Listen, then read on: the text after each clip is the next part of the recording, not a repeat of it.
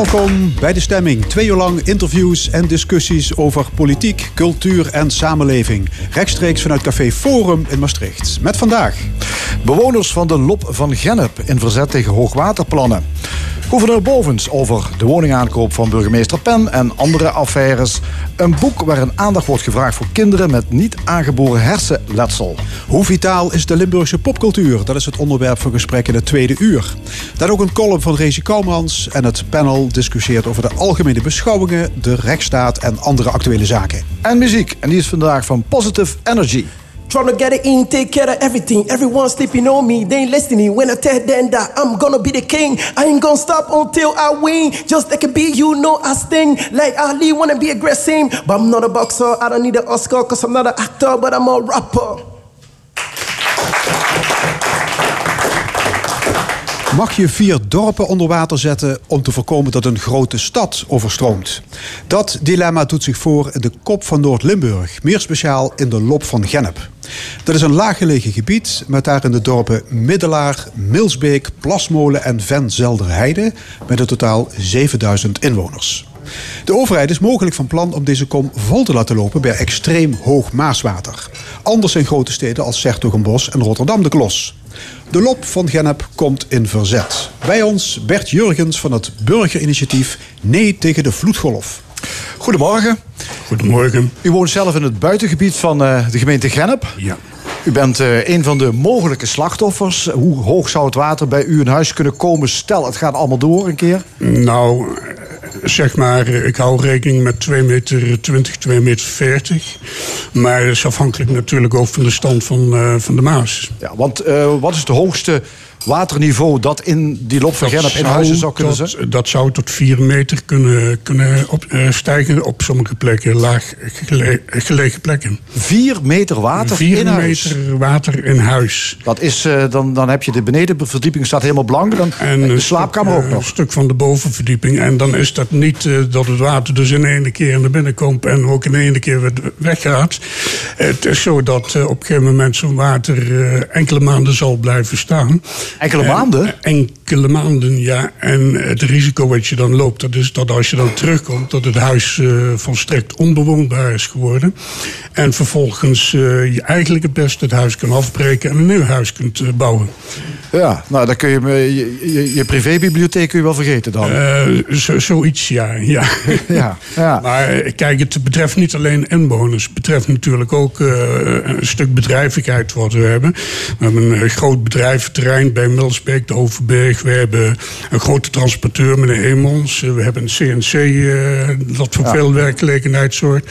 Die uh, bedrijven zullen natuurlijk ook enkele maanden gewoon geen bedrijvigheid kunnen uitvoeren. En dan heb ik het ook over een aantal grote landbouwbedrijven. Met bij mij achter, achterwoont bijvoorbeeld een kippenboer met, ik geloof, iets van 120.000 kippen. Ja. En uh, die had ik laatst aan de telefoon en die had het erover dat het een, uh, voor hem in ieder geval een uh, faillissement betekent. Ja.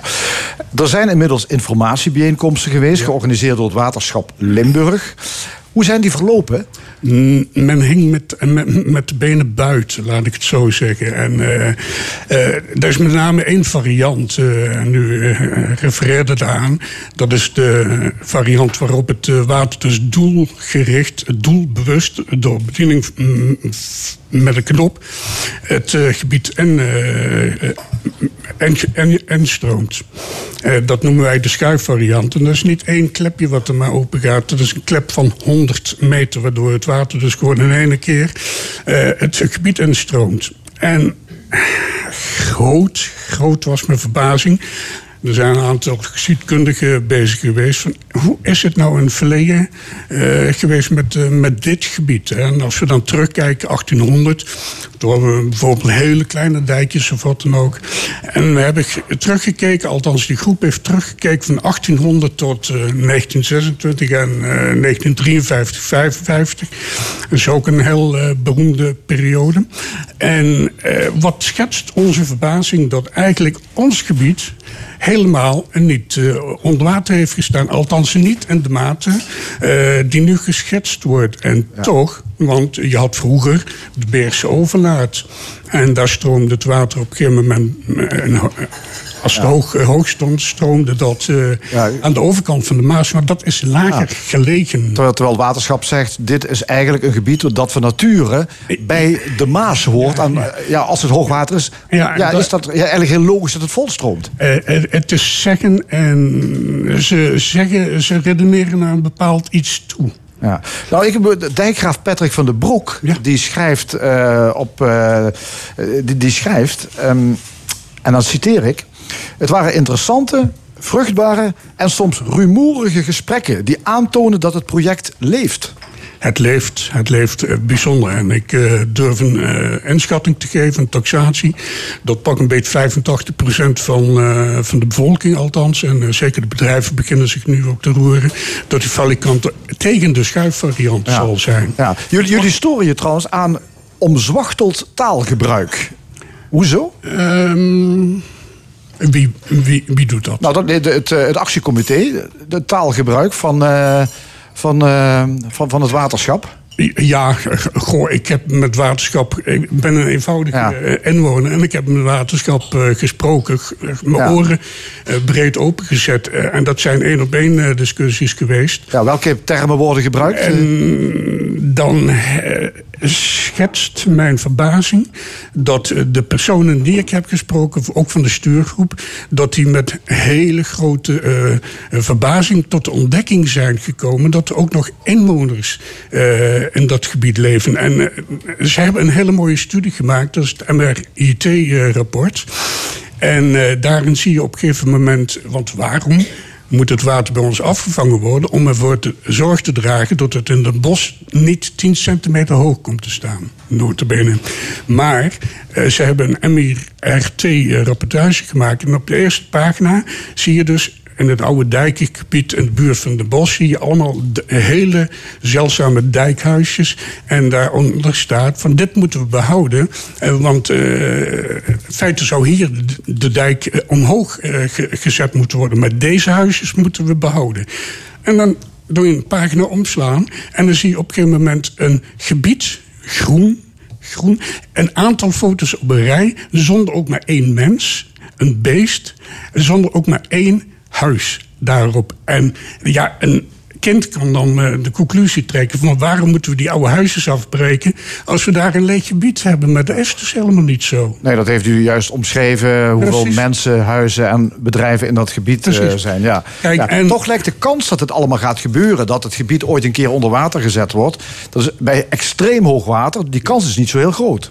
Eh, sterker nog, eh, men zegt dat die kans eh, kleiner wordt dat het gebeurt. We zitten nu op een beveiligingsniveau van eens in de 250 jaar. Dat zou naar eens 300 eh, gegarandeerd moeten Dus, zijn. dus die kans is eigenlijk heel klein dat het gebeurt. Het is ook klein. Ja. Maar het, eh, wat er nu gebeurt, dat is niet dat het eh, water over een dijkje heen zijpelt en langzaam het gebied inloopt. Maar nu wordt een hele grote schuif opengezet en komt het gebied in ene keer eh, tot vier meter hoog te staan. Waar, waar maken de mensen in die loop van Gennep zich de meeste zorgen over? Het- Over die schuifvariant.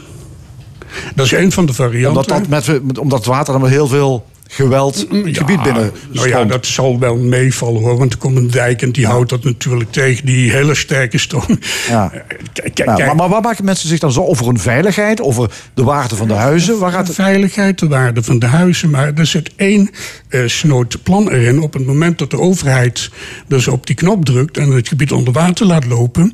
dan zegt de minister, we verklaren dit tot rampgebied... En op het moment dat het een ramp is, dan krijg je een wet tegemoetkoming bij rampen. En dat is geplafonneerd tot pak een beter miljard. En dat geldt dan voor 60.000 mensen. Nou, dan kun je uitrekenen dat je een tegemoetkoming krijgt van maximaal 10.000 eh, euro. En dat ook alleen maar voor de huizen die voor 1996 zijn gebouwd. Ja. ja, want in 1998 is het gebied aangewezen als retentiegebied. En dat betekent, toen is eigenlijk al vastgesteld... hier kan water eh in gezet worden. Dus eigenlijk vanaf 1998 had iedereen het kunnen weten. En vanaf 98 had iedereen het kunnen weten. Maar degene die het eigenlijk had kunnen en beter had moeten ventileren. Dat zijn natuurlijk de gemeentes geweest die wel dodelijk doorgegaan zijn met het verlenen van bouwvergunningen en dergelijke. En die hebben de bevolking op geen wijze gewoon geïnformeerd over dit uh, gebeuren. Nou, er wordt op dit moment zelfs nog gebouwd in het gebied. er wordt op dit moment uh, nog vrolijke bouwvergunningen afgegeven. En eigenlijk zou, als de overheid dit wil, dan moet je het gebied leegmaken. En dan moet je de mensen onteigenen, et cetera, et cetera. U kent de procedures wel. Ja. Um, maar u zegt, er is nooit gewaarschuwd door die gemeente. Er is door de gemeente nooit gewaarschuwd. Ja, ja. Niet tegen dit snode plan.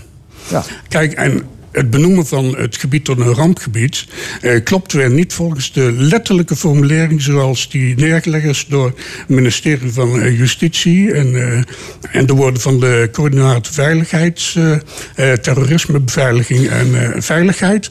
Die zegt expliciet: het is een ramp als, uh, uh, als het iets overkomt, grote mensenmasses uh, daardoor bedreigd worden. En vervolgens de noodzaak is dat er een gecoördineerde actie komt om die ramp te voorkomen, dan wel zo in te perken. Maar wat doet de overheid? Die perkt hem niet in. Die zorgt juist voor een ramp. Ja, er komen nog meer mensen. Van de andere kant, uh, het idee is uh, dat je een stad als Den Bosch telt 110.000 inwoners. Dat je die kan beschermen door het gebied onder water te zetten. Ja. In het gebied waar u woont wonen 7000 mensen. Ja. Je kunt je wel af uh, je kunt je wel indenken, als je als overheid een afweging moet maken, 110.000 mensen tegen 7.000 mensen, dat het makkelijker is om die 7.000 mensen dan maar uit het gebied te halen en de, onder, te, onder water te zetten, om te voorkomen dat een bos ja, maar, dan nog, je zit voor een enorm ethisch uh, dilemma. ik zal een voorbeeld noemen. Als een, een vrachtwagenchauffeur op een smalle weg rijdt en er is een fietser, één fietser aan de linkerkant en twee wandelaars aan de rechterkant en hij wil remmen, maar ze remmen weigeren, wat moet hij dan doen? Is het de overheid die dan een besluit neemt, op de, eh, op de stoel gaat zitten van, van de opperrechter, om het zo maar te zeggen, en dan uh, kiest voor die fietser? De utilitarist zegt uh, van wel, maar Immanuel Kant denkt daar heel genuanceerd over. Ja, ja, die, is, niet, uh, niet gevraagd, geloof ik, in deze. Hè? Nee, nee. nee. nee het gaat een beetje ver om daar ja, in te gaan. Ja, maar de, de overheid zegt, er moet wel draagvlak zijn voor het plan. Op welke manier zou het draagvlak in die loop van Gennep kunnen ontstaan voor dit plan? Ja, en dat is eh, eigen aan politici. Eh, dat die op het moment eh, dat de bevolking in opstand komt, dan betekent het dat daaruit de conclusie volgt dat de overheid dus beter moet gaan informeren. Wij snappen blijkbaar niet. Nee, maar wat, wat zou de overheid kunnen doen om, om u zover te krijgen dat u zegt van het is eigenlijk een prima plan? Ik zeg niet dat een, eh, absoluut niet, verre van. Die schuif moet van tafel. Een prima plan is, elke burger en dat is ook een zorgplicht zoals dat in artikel 21 van de grondwet is neergelegd. De, eh, de, overheid heeft een zorgplicht naar mensen toe. Ja. En maar u zegt eigenlijk die schuifvariant die is gewoon onacceptabel? Die is onacceptabel, die moet van tafel. Daar zal geen nooit draagvlak voor ontstaan? Nee, absoluut niet. Uh, wettelijke normdijken met uh, op een uh, inlaat op een normniveau zou acceptabel zijn. En er komt ook bij, ik kan mij verzekeren tegen water dat over een dijk stroomt. Ik kan mij verzekeren tegen een dijk die doorbreekt. Ik kan mij verzekeren tegen een sluis die defect raakt. 100% vergoeding. Ik heb met Lloyds in Londen gebeld. Dat is de herverzekeraar ervan. En die zegt, maar als een overheid op een knopje drukt... is dat door ons niet verzekerd. Zult u bij degene moeten zijn die op dat knopje drukt. En dat weigert de overheid. Ja. Volgend jaar uh, valt er een besluit, uh, 2020. Uh, wat gaan jullie nog ondernemen?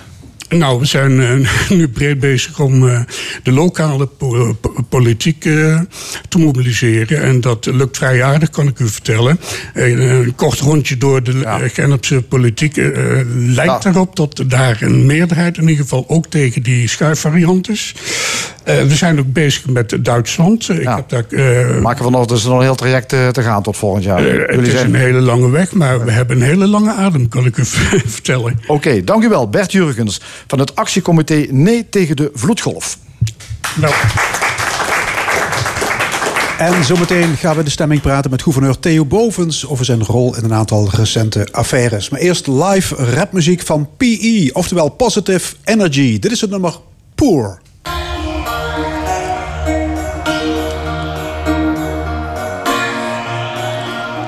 Yeah. I want to get rich, but I'm from the poor neighborhood. Rich get richer. Do you understand? Are you getting the picture? Imagine being a young child and nobody with you. This war is sick and they getting sicker. The poor stay poor and the rich get richer. Do you understand? Are you getting the picture? Imagine being a young child and nobody with you. This war is sick and they getting sicker. You might think that it's tough in your area, but you never been to Liberia. Oh, alone, nobody there with you to give you food to eat. It get tough, real tough on the street. Open up. Your eyes and see that we living in a world full of greed. For what people want, not need. And it's crazy indeed. What about those in need? Africa should be the home of the free. But instead, the jail with poverty. What the rich keep buying property. Spending money like it's monopoly. But I'm gonna put in my effort. I must spread my message, no one stopping me. Stay poor and the rich get richer. Do you understand? Are you getting the picture? Imagine being a young child and nobody with you. This war is sick and they getting sicker. The poor stay poor and the rich get richer. Do you understand? Are you getting the picture? Imagine being a young child and nobody with you. Is they got money for a war, but not for the poor. People living on the street, people sleeping on the floor. This is poor devastation. Little kid lacking their education. Anything your life about, remember they could be worse. Imagine suffering from hunger and thirst. Experiencing this from birth. If you safe from birth, you've been cursed. Many more than hurt. No money in your wallet or purse. The rich wanna rule the earth and leave all the poor in the dirt. Stay poor and the rich get richer. Do you understand? Are you getting the picture? Imagine being a young child and nobody with you. This war real sick and they getting sicker. The poor stay poor and the rich get richer. Do you understand? Are you getting the picture? Imagine being a young child and nobody with you. This war real sick and they getting sicker. Yeah. And the beast, and the beast stand up. Yeah. We need to grow up, man. Hey, this war is getting crazy than crazy, my nigga. Hey, yeah. The rich wanna get richer, though. Hey.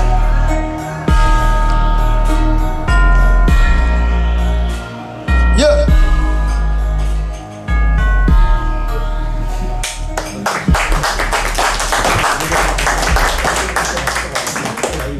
Van Positive Energy live in de stemming van L1.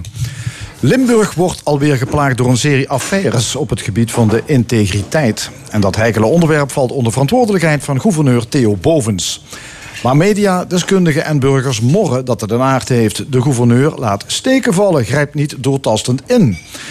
Dan gaat het over de woningaankoop van de Maastrichtse burgemeester Pen... de sollicitaties van burgemeesterskandidaten Ralf Kreewinkel in Kerkrade... en Ricardo, Ricardo Offermans in Beekdalen. En bijklussende oudbestuurders. Hier aan tafel, commissaris van de Koning Theo Bovens. Meneer Bovens, welkom. Goedemorgen. Ja. Ja, ik zie bijna iedere dag een ingezonden brief in de krant... waarin u op de korrel wordt genomen. Ehm, wat vindt u daarvan? Ja, de- ik lees ook. Hè, dus eh, wat vind ik daarvan? Kijk, ik denk zelf, dat heb ik denk ik ook gisteren in een eh, artikel in de Limburg, een interview ook eh, mogen zeggen. Ik denk dat mensen een volstrekt verkeerde verwachting hebben en ook een verkeerd beeld hebben van wat de rol van in dit geval een gouverneur is, maar op lokaal niveau hoe het, de rol van een, eh, van een burgemeester is. En er worden een aantal, in, het, in de vocabulaire worden een aantal dingen aan elkaar geregen, die als je ze zo ziet, eh, inderdaad indrukwekkend zijn. Maar het is nogal wel een verschil of je het over een politieke zaak hebt of een uh, burgemeesterslekkage. Ja, klopt. Niet alles heeft direct met integriteit nee, te maken. Het wordt wel allemaal over integriteit Ja. eh, over die boeg gegooid. En een tweede is dat eh, er in, in, die, in dat, ja, denk over de rollen van, eh, van de gouverneur. U zei het in de inleiding ook al, wie is verantwoordelijk voor de integriteit? Dat is de gouverneur. Dat is dus niet waar. De, eh, iedereen is zelf verantwoordelijk voor zijn eigen integriteit. Dat heb ik nog eens een keer uitdrukkelijk willen eh, bestrepen. En er is inderdaad in de wet dat wij integriteit moeten bevorderen.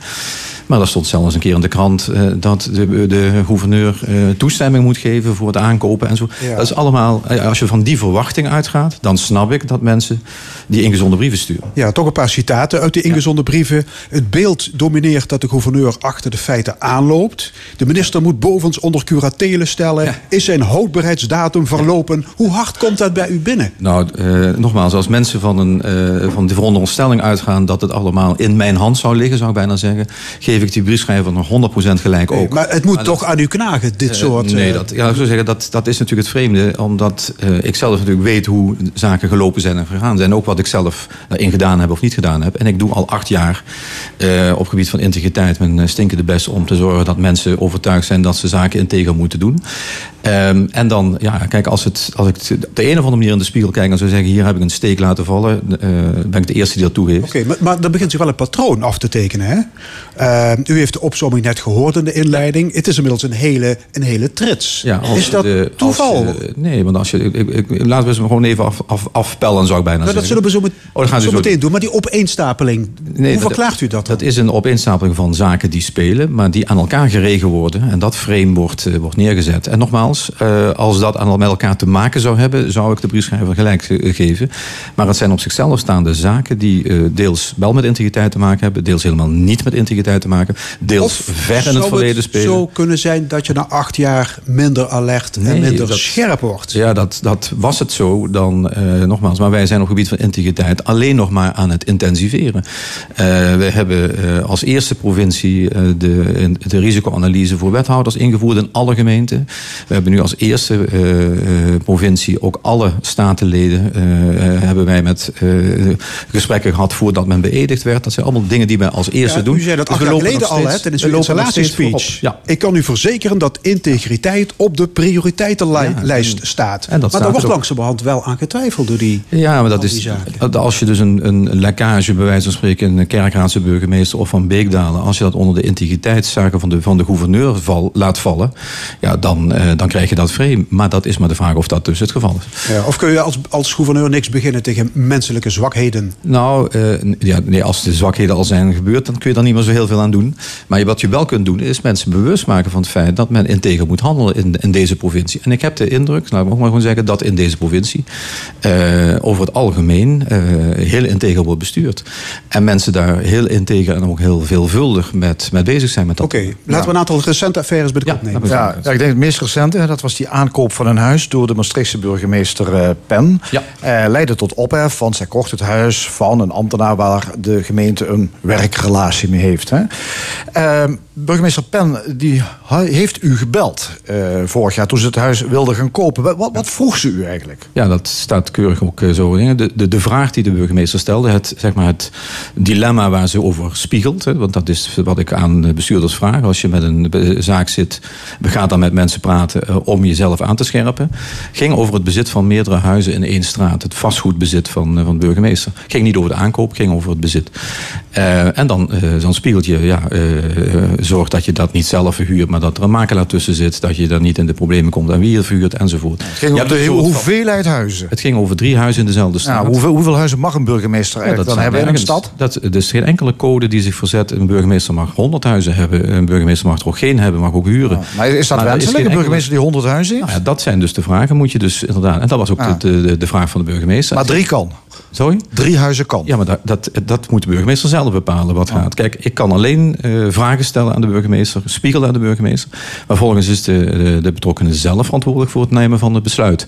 En als het. Wel, welke status heeft het gesprek dan dat ze met u voert? dat zijn klankbordgesprekken, zoals wij dat noemen. Kun je ook met de buurvrouw voeren? Kan dus? ook met, ja, het kan met partijgenoten, het kan met collega-burgemeesters. Wij eh, adviseren in onze codes dat als je met een eh, beslissing zit, om daar dan met andere mensen over te spreken. Ja, U- om zelf de beslissing te nemen. Ja, u zegt het ging over, over de, de niet om dus bij degene waarmee je te raden gaat. Dat ze zal misschien met bij tien mensen gesproken hebben. Niet om de beslissing bij die tien te leggen. Nee, de beslissing leg je nog altijd bij jezelf. Ja, maar u zegt het ging over de aankoop van een derde huis. Het ging om de, de- het Het aantal bezit van huizen. Het, het bezit van de ja, en, en het ging niet om de vraag. U heeft ook niet gevraagd van wie wil u het was- huis gaan kopen. Nee, dat is, eh, was niet de aard van het gesprek. Zo is het niet gegaan. Eh, Dus het is niet vreemd om die vraag dan toch ook te stellen. Want Ja, kijk, ze het is is ook bepalend van wie een huis koopt. Ja, ja nou, nou, dat kan ook een uh, zaak zijn. Als, en ik denk als je in, in, de, in de stand zit van... oh, er is een, iets met de koper aan de hand... dat je zo'n vraag ook stelt. Maar, als maar je dat, Wist, dat wist mevrouw Pen toch? Want ze wist dat die ambtenaar een relatie tot de gemeente had. Ja, maar ieder, iedere ambtenaar heeft een relatie met de gemeente. Dat betekent dat je geen huis van een ambtenaar zou mogen kopen. Kijk, dat staat in geen enkele code dat dat niet nee. Maar het blijkt toch je tamelijk brisant te zijn uiteindelijk. Later, ja, dat is dus ook weer zoiets wat in de, uh, in de...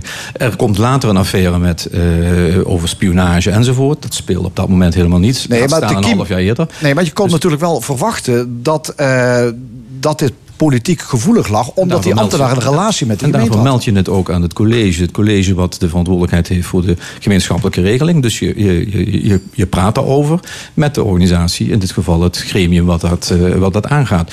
Dus in die zin geen code overtreden, geen wet overtreden. De discussie die nu in de gemeenteraad speelt achteraf, had je het eventueel nog aan de gemeenteraad uh, moeten wel. Nou, dat zal een, uh, een, ik denk alweer een of andere hoogleraar zal daar wel iets van ja. vinden. Heeft mevrouw Pen u onvolledig geïnformeerd? Kan ik zo niet zeggen, omdat uh, zij de vraag heeft gesteld waar zij mee zat. Ik weet niet welke vragen zij elders nog zou, zou hebben. En, en ik juich dat ook toe, hè, nogmaals. En ik, ik, ik vind het een teken van grote integriteitsbesef als je als burgemeester met een zaak zit, om daar dan met anderen over te spreken. Dat is precies wat je moet doen. Ja. Het is niet onder de tafel, het is niet geheim, het is niet stiekem, het is gewoon met mensen over spreken. En dat moet je ook, dat hoort bij de integriteit anno 2, hè, ik noem dat integriteit 2.0. Uh, praat er met mensen over. Ja, toch, toch lijkt het een onvolledig gesprek te zijn geweest. Zou u het met ja, de wetenschap van nu anders ja, gedaan hebben? Zou u meer vind ik, doorgevraagd dat zijn hebben? Die als, als dan vragen, als er dan een spionageaffaire zou zijn geweest, of er zou dan ruzie zijn geweest, of er zou een rechtstreekse relatie van de burgemeester met de ambtenaar zijn geweest? Dat zijn allemaal van die vragen, hypothetische vragen. Nee, je, je zou toch ook kunnen zeggen van misschien had u beter moeten doorvragen. Er was vraag, meer informatie. Nee, dat, dat, dat is als de vraag zou zijn geweest, mag ik het van die en die kopen? Dat zou ook een vraag zijn, maar die vraag is niet gesteld. En hoeft ook niet gesteld te worden, omdat er uh, op de burgemeester zelf daar geen probleem of geen relatie in zag uh, met de betrokkenen. En dat is precies waar wij het integriteitsbeleid voor bedoelen. Daar waar je een twijfel hebt, daar bel je. En de twijfel ging hier over het bezit van huis. Oké, okay, dan de zaak Ralf Krijwinkel, burgemeester van ja. Heerlen. Ja. Uh, hij solliciteerde tijdens een ziekteverlof naar het burgemeesterschap ja. van Kerkrade. Wat is, en wat is daar dan niet integer hij, hij werd het, Wacht even, hij werd het niet, maar de gemeenteraad, de gemeenteraad van Heerlen was gechoqueerd. Ja. Uh, ja, de grote vraag is, waarom heeft u Krijwinkel doorgestuurd naar Kerkrade? Dat heb ik ook uh, keurig uitgelegd. Als een geschikte kandidaat op een gemeente solliciteert in dit geval de gemeente Kerkrade, gaat het belang van de gemeente Kerkrade voor. Ik, moet, ik behoor te zorgen als gouverneur dat de beste kandidaten worden voorgesorteerd voor de vacature. En de vacature was een Kerkrade. En als er een goede burgemeester solliciteert voor Kerkrade... Nee, dat klopt, dan laat maar u loopt dat is groot risico als hij het onverhoopt niet wordt. Hè? Wat voor risico loop ik als hij het niet wordt? Nou ja, uh, dit veroorzaakte een hele grote commotie. Nee, dat komt omdat het uitlekt. Maar dat uitlekken is niet de verantwoordelijkheid van de gouverneur. Dat kan altijd gebeuren, dat uitlekken. Ja, maar, maar- de, maar de ja, burgemeester zit een jaar thuis. Hij krijgt ziekteverlof om voor zijn zieke zoontje te zorgen. Ja. Gaat in die periode solliciteren. Omdat Notabene hij- in omdat- buurgemeente Kerkrade. Ja, omdat hij op de terugkeer was naar zijn werk. Dus hij, hij was al, eh, de, de datum van terugkeer was al bepaald. Dus eh, er was geen enkele reden. Hij was niet ziek eh, als hij burgemeester van Kerkrade zou zijn geworden. Dat was na de datum van terugkeer. Ja, maar Dus Heerlen zei, maar Heerlen eh, zei we, willen, we willen geen burgemeester voor wie Heerlen op de tweede plaats komt. Ja, maar En dat is zelfs uw eigen burger- partij, het CDA, vond dat u burgemeester. Heerlen een mes in de rug had Ja, gestoken. maar nogmaals, dat is bij iedere burgemeester die solliciteert op een andere plek. Als dat uitlekt, dan zal de gemeente waar die burgemeester is op dat moment, zal zich als een verlaten bruid of, eh, of anders voelen. Dat is zo. Maar dan zou ik dat kunnen betekenen dat een zittende burgemeester nooit kan solliciteren op een nieuwe plek. Want hij laat altijd een plek achter. Dat klopt. Dus eh, als de burgemeester van eh, plaats X naar plaats Y gaat, zal plaats X zich altijd tekort gedaan voelen. Maar dat is geen reden om de kandidaat te verbieden om op plaats te solliciteren. Zeker niet als het een geschikte kandidaat is. Want de verantwoordelijkheid is om de beste kandidaten door te kunnen sturen naar die gemeente. De Raad Dat van Heerlen En niet wilde- het belang van Heerlen op dat moment. Ja. Eh, is het belang van Kerkrade is op dat moment doorslaggevend. Dat is de rol van de gouverneur. Maar toch wilde de gemeenteraad een gesprek met u. Die wilde tekst en uitleg. Dat heb ik gesprek heeft u heel lang afgehouden. Nee, hè? dat heb ik ze al gegeven in het begin. Omdat, wat wilden ze namelijk weten? Wat ik met de kandidaat, in dit geval Kreewinkel, besproken heb op de bank bij mij in de vertrouwelijke gesprekken van de eh, sollicitatieprocedure. En dat is een, een strafbare daad als ik dat aan de gemeenteraad van Heerlen ga vertellen. toch en ik doe geen strafbare daad. Bent u niet eh, te juridisch? te rechtlijnig. Ja, Eh, eerst- moet u niet meer afgaan op uw, laat ik zeggen, uw politieke intuïtie? Ja. Er is nog een andere werkelijkheid dan de politieke Zeker, zeker. werkelijkheid. Nee, dat, dat 100% met u eens. U begon overigens het gesprek alsof dat, eh, dat ik dat niet zou doen, maar ik vind het draaien wel heel erg leuk. Eh, nee, ik, ik, bedoel, ik denk niet dat ik uit de juridische ben. Kijk, de politieke intuïtie eh, mag nooit het argument zijn om een kandidaat tegen te houden voor een sollicitatieprocedure. Dat kan nooit de reden zijn. Als iemand geschikt is, dan moet hij eh, worden voorgesteld overigens aan de vertrouwenscommissie. De vertrouwenscommissie beslist zelf overigens of ze de kandidaat wil zien of niet zien. Dat is niet aan mij, dat is aan de vertrouwenscommissie. Ricardo Offermans vond u geschikt voor het Ja. burgemeesterschap van Beekdalen. Hij zat met de laatste zes. Maar de vertrouwenscommissie wilde Offermans niet eens op gesprek. Dat kan. Hij is veroordeeld hè, wegens Ja. medeplichtigheid aan het schenden van ambtsgeheim. Het beruchte Jos van Rij-telefoontje. Ja. U vindt dat Offermans weer aan de slag kan in het openbaar bestuur. Ja, kijk, de, de, eh, de heer Offermans is eh, veroordeeld voor, eh, ik dacht even aan mijn hoofd, 60 uur dienstverlening. En dat is meer dan zeven jaar geleden, dus, dus verjaard en dat soort dingen. En ik heb geconstateerd dat Ricardo weer in staat is om te werken. En ook weer als burgemeester te werken. En ik heb gezegd, nou, hij is geschikt, hij kan burgemeester worden. En dan is het, en dit is overigens een lekkage die. Het is de eerste lekkage in acht jaar, wil ik er even bij zeggen, in de, in de provincie Limburg. Dat er uit een vertrouwenscommissie wordt gelekt. Eh, naar, eh, de- en dat is dus inderdaad ook ernstig. Daar heb ik ook meteen aangifte van gedaan van dat feit. Maar in die eh, gesprek heb ik dus inderdaad Ricardo Voorfans mee voorgesteld. Maar het blijft de vertrouwenscommissie Ja, zelf. maar die nodigen hem niet eens, niet eens uit Ja, voor een gesprek. Kijk, ze- Mo- er zijn mo- 15 kandidaten die ze niet uitnodigen voor een gesprek. Ja, dat is, Dat, dat is vrij. Maar moet u die vertrouwenscommissie dan niet eens uitnodigen in het gouvernement voor een goed gesprek? Om Achteraf nog eens? Ja. Nee, de, de, de zienswijze over Offermans heb ik dat. Maar ze, nee, kijk, ze hebben de, het, het lek, zeg maar even, uit de vertrouwenscommissie. Dat is onderwerp van nu eh, justitiële onderzoek en de verhoren van de politie. ja. Wat vindt u eigenlijk van al dat lekken?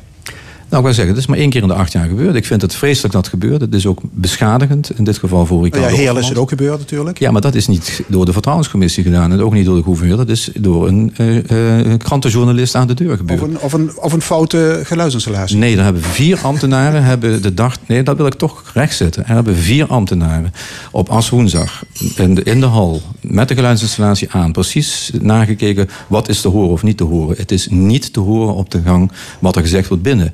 Dus de, de suggestie Maar het alsof een- Ministerie vond toch dat die journalist geen enkele blaam trof? Of Nee, ben dat ik, ging ben ik over het, gek? Nee, dat, het- ook hier weer even goed lezen wat er staat. De journalist was, de, de beschuldiging zou zijn dat de journalist daar niet had mogen staan.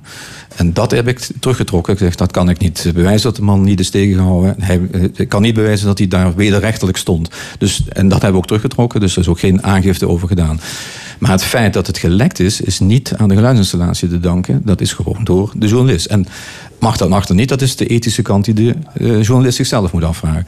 Maar waar het nu om gaat is, er dus is geen lekkage uit de vertrouwenscommissie. Dus ik heb ook geen aangifte tegen de vertrouwenscommissie hoeven doen of tegen de gemeente Kerkrade. Ja. Iets anders. In Limburg worden nogal wat oud-bestuurders opvallend vaak ingehuurd voor adviesklussen.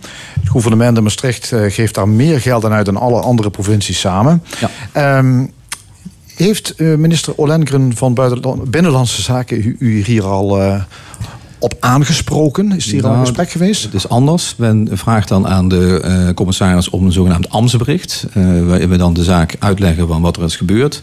Dat ambtsbericht hebben wij ook in juli ook verzonden. En op grond van het ambtsbericht zal de minister de vragen van Tweede Kamerleden eerst beantwoorden. Dat zal ergens deze weken gebeuren. Ehm, en eh, dus in die zin, in dat verkeer met de minister, eh, gaat dat via eh, het, de ambtsberichtmethode. Ehm, en wij hebben volgens mij het kon, ja, prima kunnen uitleggen wat er, wat er aan de hand is. Dus, Ja, maar verwacht u dat er nog een gesprek gaat komen tussen u en de minister? dat vindt regelmatig plaats. Ik zie er morgen geloof ik alweer. Dus ik vind, er gaan heel veel gesprekken met de minister plaats. Maar dat, over deze zaak zelf is er niet apart een onderhoud of dergelijke geweest. Ik denk ook niet dat dat nodig is, gezien Verwacht u niet dat die wij gegeven even ter sprake komt eh, in dat nou ja, gesprek? ook, de- ook hier weer. Het- U noemt twee beelden. Hè. A, dat wij het meer doen dan in andere eh, provincies. Dat, nou ja, bleek, dat... bleek toch uit het, eh, hele uit het onderzoek? Ja. nou ja, dat is dus de eerste vraag. Eh, welke vragen zijn dan gesteld? En wat is je definitie van bestuurder? Als wij een aantal bestuurlijke functies hebben. Ik geef één voorbeeld. We hebben vier nationale parken in Limburg. En daar hebben wij een bestuurscommissie bij. En dan vraag je als eh, eh, voorzitter vraag je iemand met bestuurlijke ervaring. Dan krijg je dus inderdaad een bestuurder. Dat klopt. Maar we hebben vier parken. Er zijn provincies die hebben nul parken.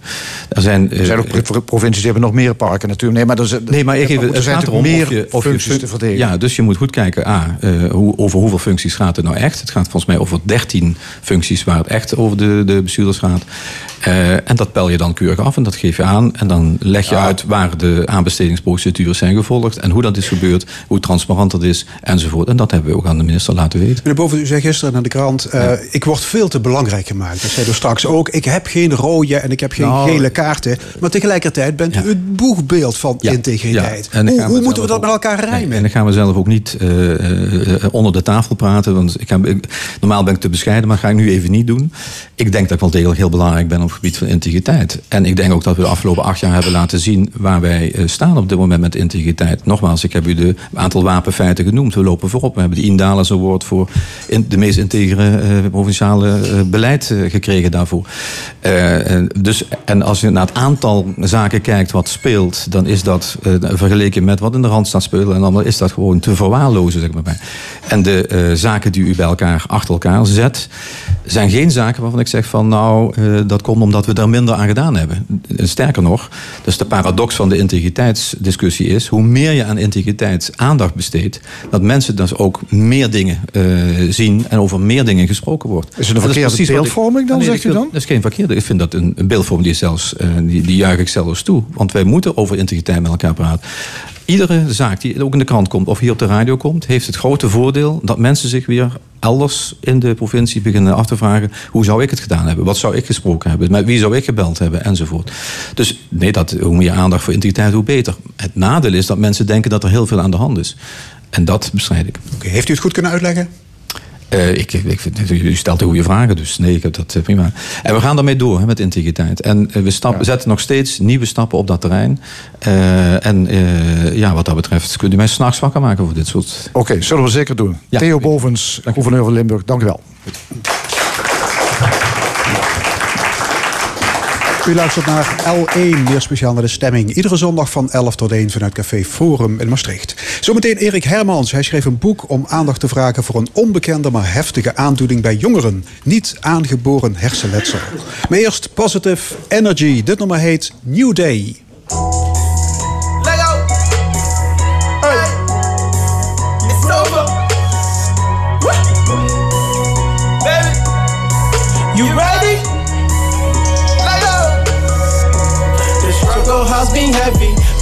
Baby, I am ready to celebrate. Now we made it. Drop down in confetti. It's the new day. Baby, it's the new day. The struggle has been heavy, but baby, I am ready to celebrate. Now we made it. Drop down in confetti. It's the new day. Baby, it's the new day. Through the sunshine and the stormiest weather, you and I have been through a lot together. When the going got tough, we never gave up. Stay spreading the love, even those we got haters. Rise like elevators, they will congratulate us when we make it. Cause real love, you can fake it. I'ma give you my heart, go ahead and take it. Don't break it. My love for you is sacred. Struggle has been heavy, but baby, I am ready to celebrate. Now we made it. Drop down and confetti. It's the new day. Okay? Baby, it's the new day. Okay, let's party a little bit. Yeah. hey. Stand up, stand up. I'm the man speaking. Stand up, stand up, stand up. I'm the man speaking. Stand up. Hold on, hold on. Mommy got double. She be causing trouble. Booty go ring bubble. Eeny, meeny, money, mo. Eeny, meeny, money, mo. See that gate in the entrance. Big, big, big booty like an oh, entrance. Oh, you gave me trouble. Oh, oh, you gave me trouble. Oh, you gave me trouble. Oh, oh, you gave me trouble. Trouble. Oh, you gave me trouble. Oh, you gave me trouble. Oh, you gave me trouble. Oh, you gave me trouble. Trouble, trouble. See my girl is finer. Man, she wear designer. Life. Who wanna dance? Who wanna dance? Who wanna fuck? Turn around and bounce on it, bounce on it, bounce on it, bounce on it. She like Louis. I love Gucci. She love crazy. for crazy. We can go Miami, we can go to Paris, we can go Miami, we can go to Paris. Eeny, meeny, money, mo, eeny, meeny, money, mo. See that girl in the entrance, big, big, big booty like an entrance. Oh, you gave me trouble, oh, you gave me trouble. Oh, you gave me trouble, oh, you gave me trouble, trouble. Oh, you gave me trouble, oh, you gave me trouble. Oh, you gave me trouble. Oh, you gave me trouble, trouble, trouble.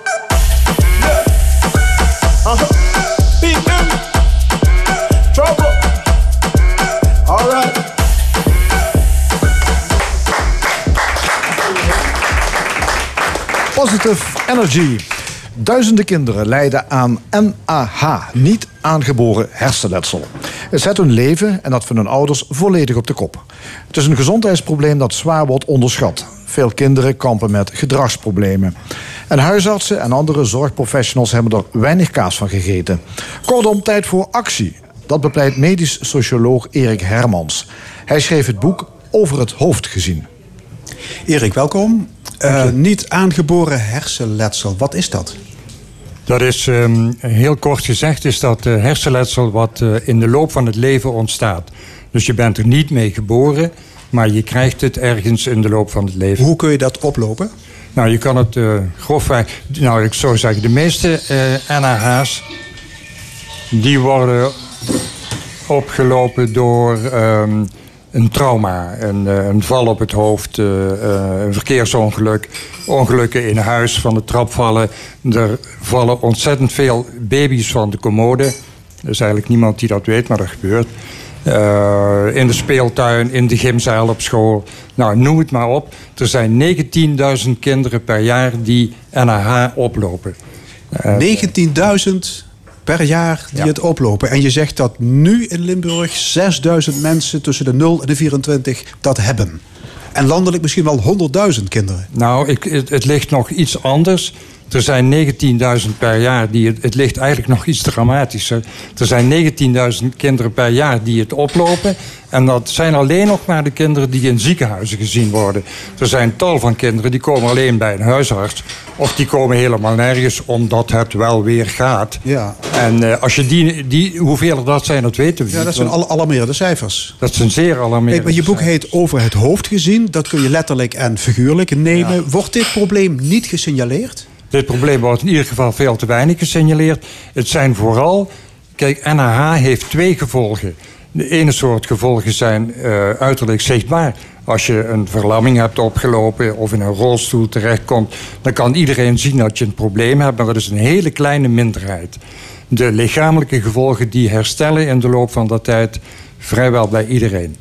Bij een okay. kleine minderheid blijven ze bestaan, maar de meerderheid die loopt onzichtbare gevolgen op. En dat zijn de meest gemene en die worden niet onderkend. Ja, laten we een voorbeeld nemen. Een kind ligt in een ziekenhuis met een gebroken been en een zware hersenschudding. Mag op een gegeven moment weer naar huis. En dan beginnen allerlei effecten op te spelen. Haperend geheugen, slechte concentratie, zelfs epileptische aanvallen. Ja. Ja, dat Zelfs klopt. je IQ kan, kan erdoor omlaag gaan? Ja, dat klopt. Uh, maar er is veel meer hoor. Er zijn, uh, behalve aandacht en geheugen zijn er ook problemen in de zin van het gedrag. Dat kinderen een heel kort lontje krijgen met woedeuitbarstingen om de minste geringste aanleiding. Eigenlijk ook vaak zonder aanleidingen. De impulscontrole valt weg. Je hebt geen controle meer over je daden. Je wil je impulsen direct uh, bevredigd zien. Uh, dus doen zonder na te denken. Al dat soort dingen. En dat uh, als je meerdere van dergelijke problemen tegelijkertijd hebt... dan kan dat toch een behoorlijk uh, ja, onprettige cocktail opleveren... die later in het leven zijn, zijn rol gaat, gaat spelen en zijn tol gaat eisen...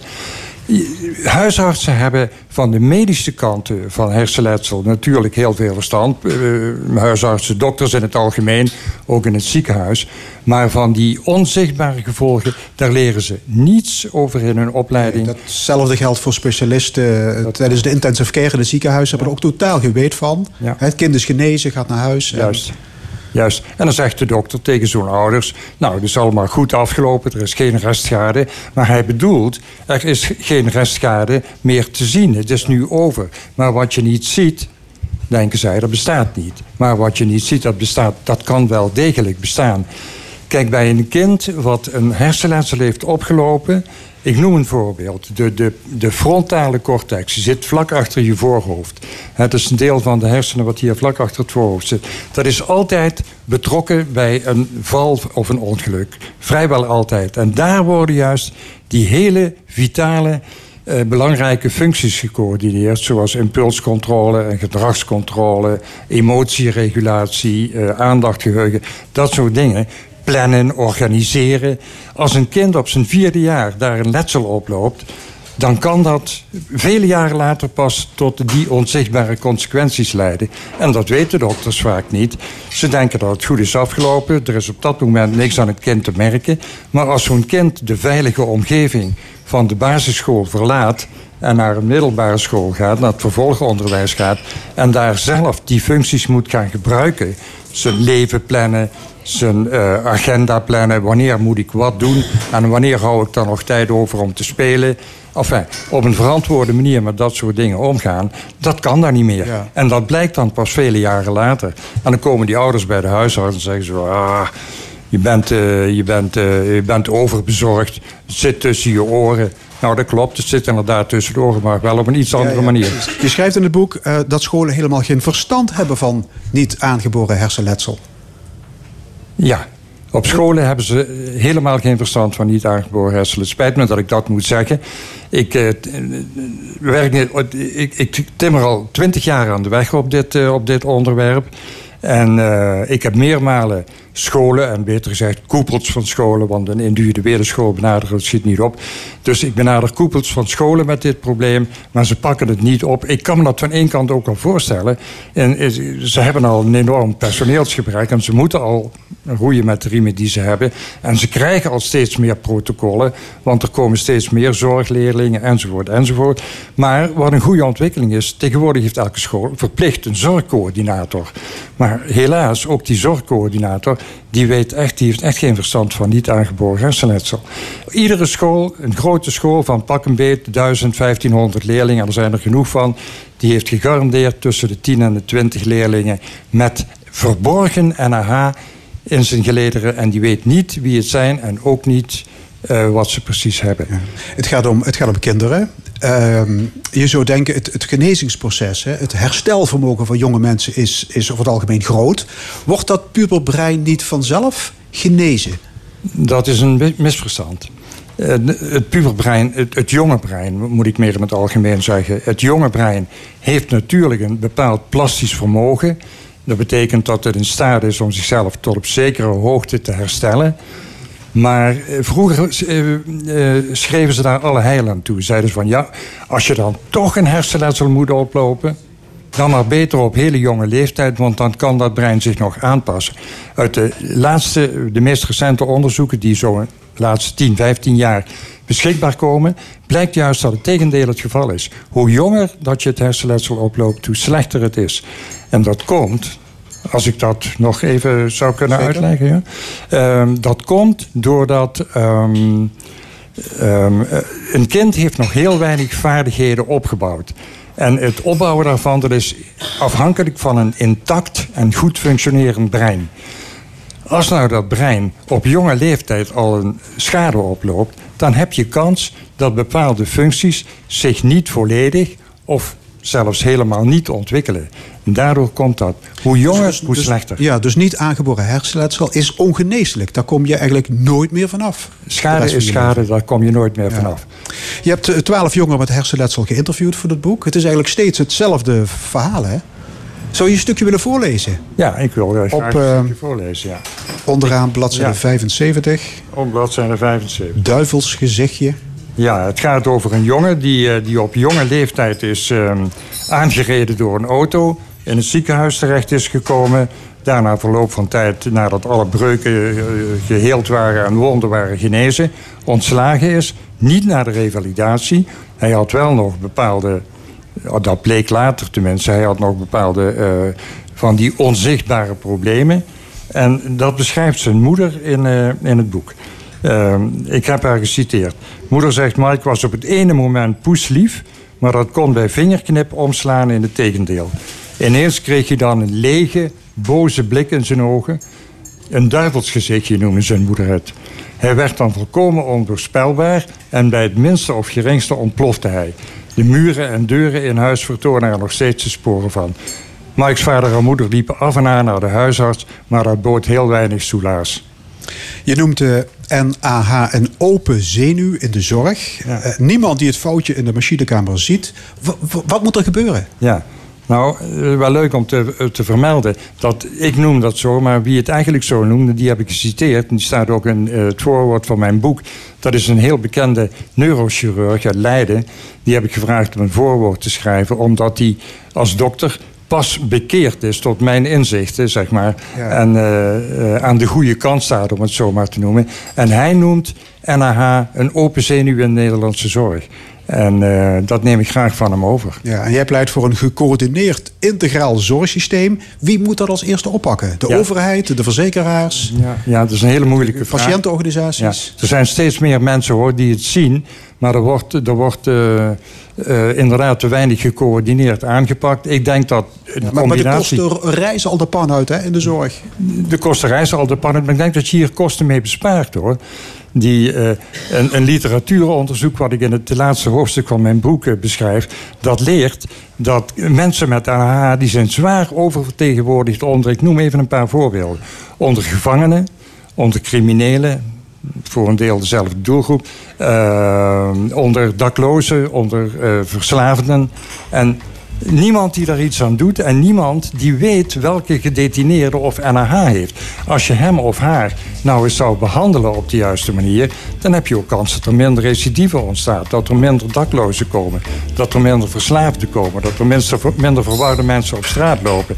Want daar zijn die percentages NAH enorm hoog onder. Die mensen ontsporen in de loop van het leven. Oké, Erik Hermans, hartelijk dank. Succes met je missie. En het boek Over het hoofd gezien ligt in de winkel. Dankjewel. Na het NOS-journaal van 12 uur, hoe vitaal is de popmuziek in Limburg? Een column van Rezi Kouwmans. En ons opiniepanel bespreekt de actualiteit van deze week.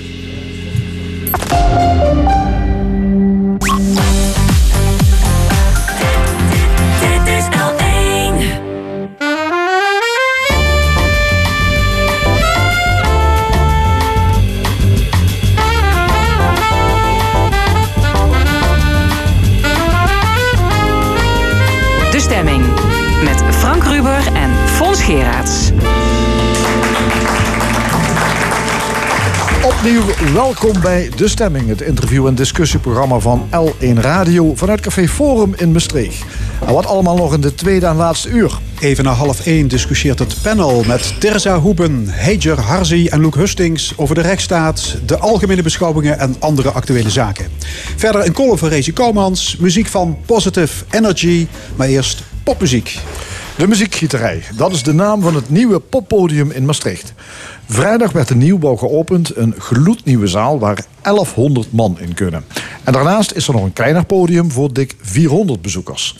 De muziekgieterij is daarmee een van de grootste clubs van Limburg. Is dit een bewijs van de sprankelende vitaliteit van de popcultuur? Of is er nog veel werk aan de winkel? Daarover gaan we praten met Paul Morel, directeur van Pop in Limburg... en Richard Lomans, en hij is zakelijk directeur van de muziekgieterij. Heren, welkom. Dankjewel. Richard, ja, vrijdag is de nieuwe zaal van de muziekgieterij geopend. Hè, met een optreden van Triggerfinger, de Belgische band. Was het volle bak? Het was eh, meer dan volle bak. We hadden 300 genodigden en we hadden 1100 verkochte kaarten. Dus we hebben een truc moeten uithalen. In de kleine club hebben we gewoon videoschermen moeten neerzetten. En de, de kleine club was vol en de grote club was vol. 1100 verkochte kaarten. Er worden de, nodige pintjes eh, gedronken. Dus het was een topdag voor de zakelijk directeur. Het was een topdag, niet alleen voor de zakelijk directeur, maar ik denk voor heel de, heel de stad, maar ook voor de hele regio. Want het eh, dak ging daar letterlijk vanaf. Ja, zijn er nog eh, gebreken aan het eh, licht gekomen? En nee, de dak geen- zat misschien niet nee, heel nee, erg nee, stevig nee, vast. Het zijn geen gebreken, maar wel nog heel veel verbeterpunten. Maar dat kan niet anders als je voor de eerste keer een groot concert doet. Noem er eens één. Eh, de signing mag beter. Eh, De signing, dus als je in de zaal bent, eh, tot je, waar, waar je naar het balkon kunt. Eh, de zichtlijn op het balkon die hebben we de dag van Triggerfinger hebben we nog, nog een tribune opgebouwd. Want dat hadden we bij Deus een week geleden hadden we geconstateerd. Tot de zichtlijn op het balkon niet goed genoeg waren. Dus dat, dat hadden we al meteen opgepakt. Nou, dan eh, zijn er maar allemaal kleine verbeterpuntjes. De bar, eh, de inrichting van de bar mag wat anders. Maar dat, dat ga je pas ervaren als je 1100 man over de vloer hebt. Paul Morel, directeur van Pop in Limburg. Je was een van de genodigden vrijdag. Ja. Hoe vond je het? Ja, het is uh, fantastisch. Het is een fantastisch pand. Het, uh, het ademt popmuziek. Uh, de mensen achter de muziekgieterij hebben er zo lang voor gewerkt om dit neer te zetten. En ja, het was gewoon een, ja, een emotionele, fantastische aftrap. Volle bak meteen met een van de grootste bands uit de Benelux, Triggerfinger. ja, een, een betere aftrap kon je je denk ik niet wensen. Ja. Het was vroeger altijd behelpen met de popmuziek in, in Maastricht, althans de live muziek. Uh, en als er een band speelde, viel de publieke belangstelling van het algemeen behoorlijk tegen. Ja. Is dat in de afgelopen jaren flink veranderd? Ja, we, we werken wel tot. Uh, we zijn uh, sinds we in de timmerfabriek zitten, dus vanaf 2013, zie je een, een, enorme stijgende lijn. Dat is ook de reden geweest waarom de gemeente heeft gezegd: we gaan investeren in dat pand. En we gaan de muziekgieterij groter proberen te maken. En uh, nou, dit weekend alleen al hebben we 3000 betalende bezoekers over de vloer. We hebben, gisteren hadden we Bazaar 1000 man. Vanavond hebben we het Le Soir met de Gathering 400 kaarten verkocht. Dus je, je, je merkt dat het leeft. Ik heb er nu al 12 uitverkochte concerten dit jaar. Oh, ja, Maastricht heeft een universiteit, plus de nodige Goed. hogere onderwijsinstellingen. Die, die duizenden studenten, vormen die de hoofdmoot van jullie publiek? Nee, uh, die vormen wel een belangrijke moot van ons publiek, want daar programmeer voor. Ik ben ook blij dat jullie nu deze artiest hebben, uh, hebben geboekt. Dat is uh, iets waar wij nog even in moeten gaan investeren. Want die, die scene is bij ons nog niet goed genoeg ontwikkeld. Maar onze bezoekers variëren van 20 tot, tot, tot 60, 70 jaar. En popmuziek is van alle leeftijden. En er komen iedere keer nieuwe stromingen. Nou, het is voor ons de taak, en dat doen we samen met Pop Limburg... om die nieuwe stroming te ondersteunen. En daar gaan we geld in investeren, zodat dat publiek ook weer tot wasdom komt.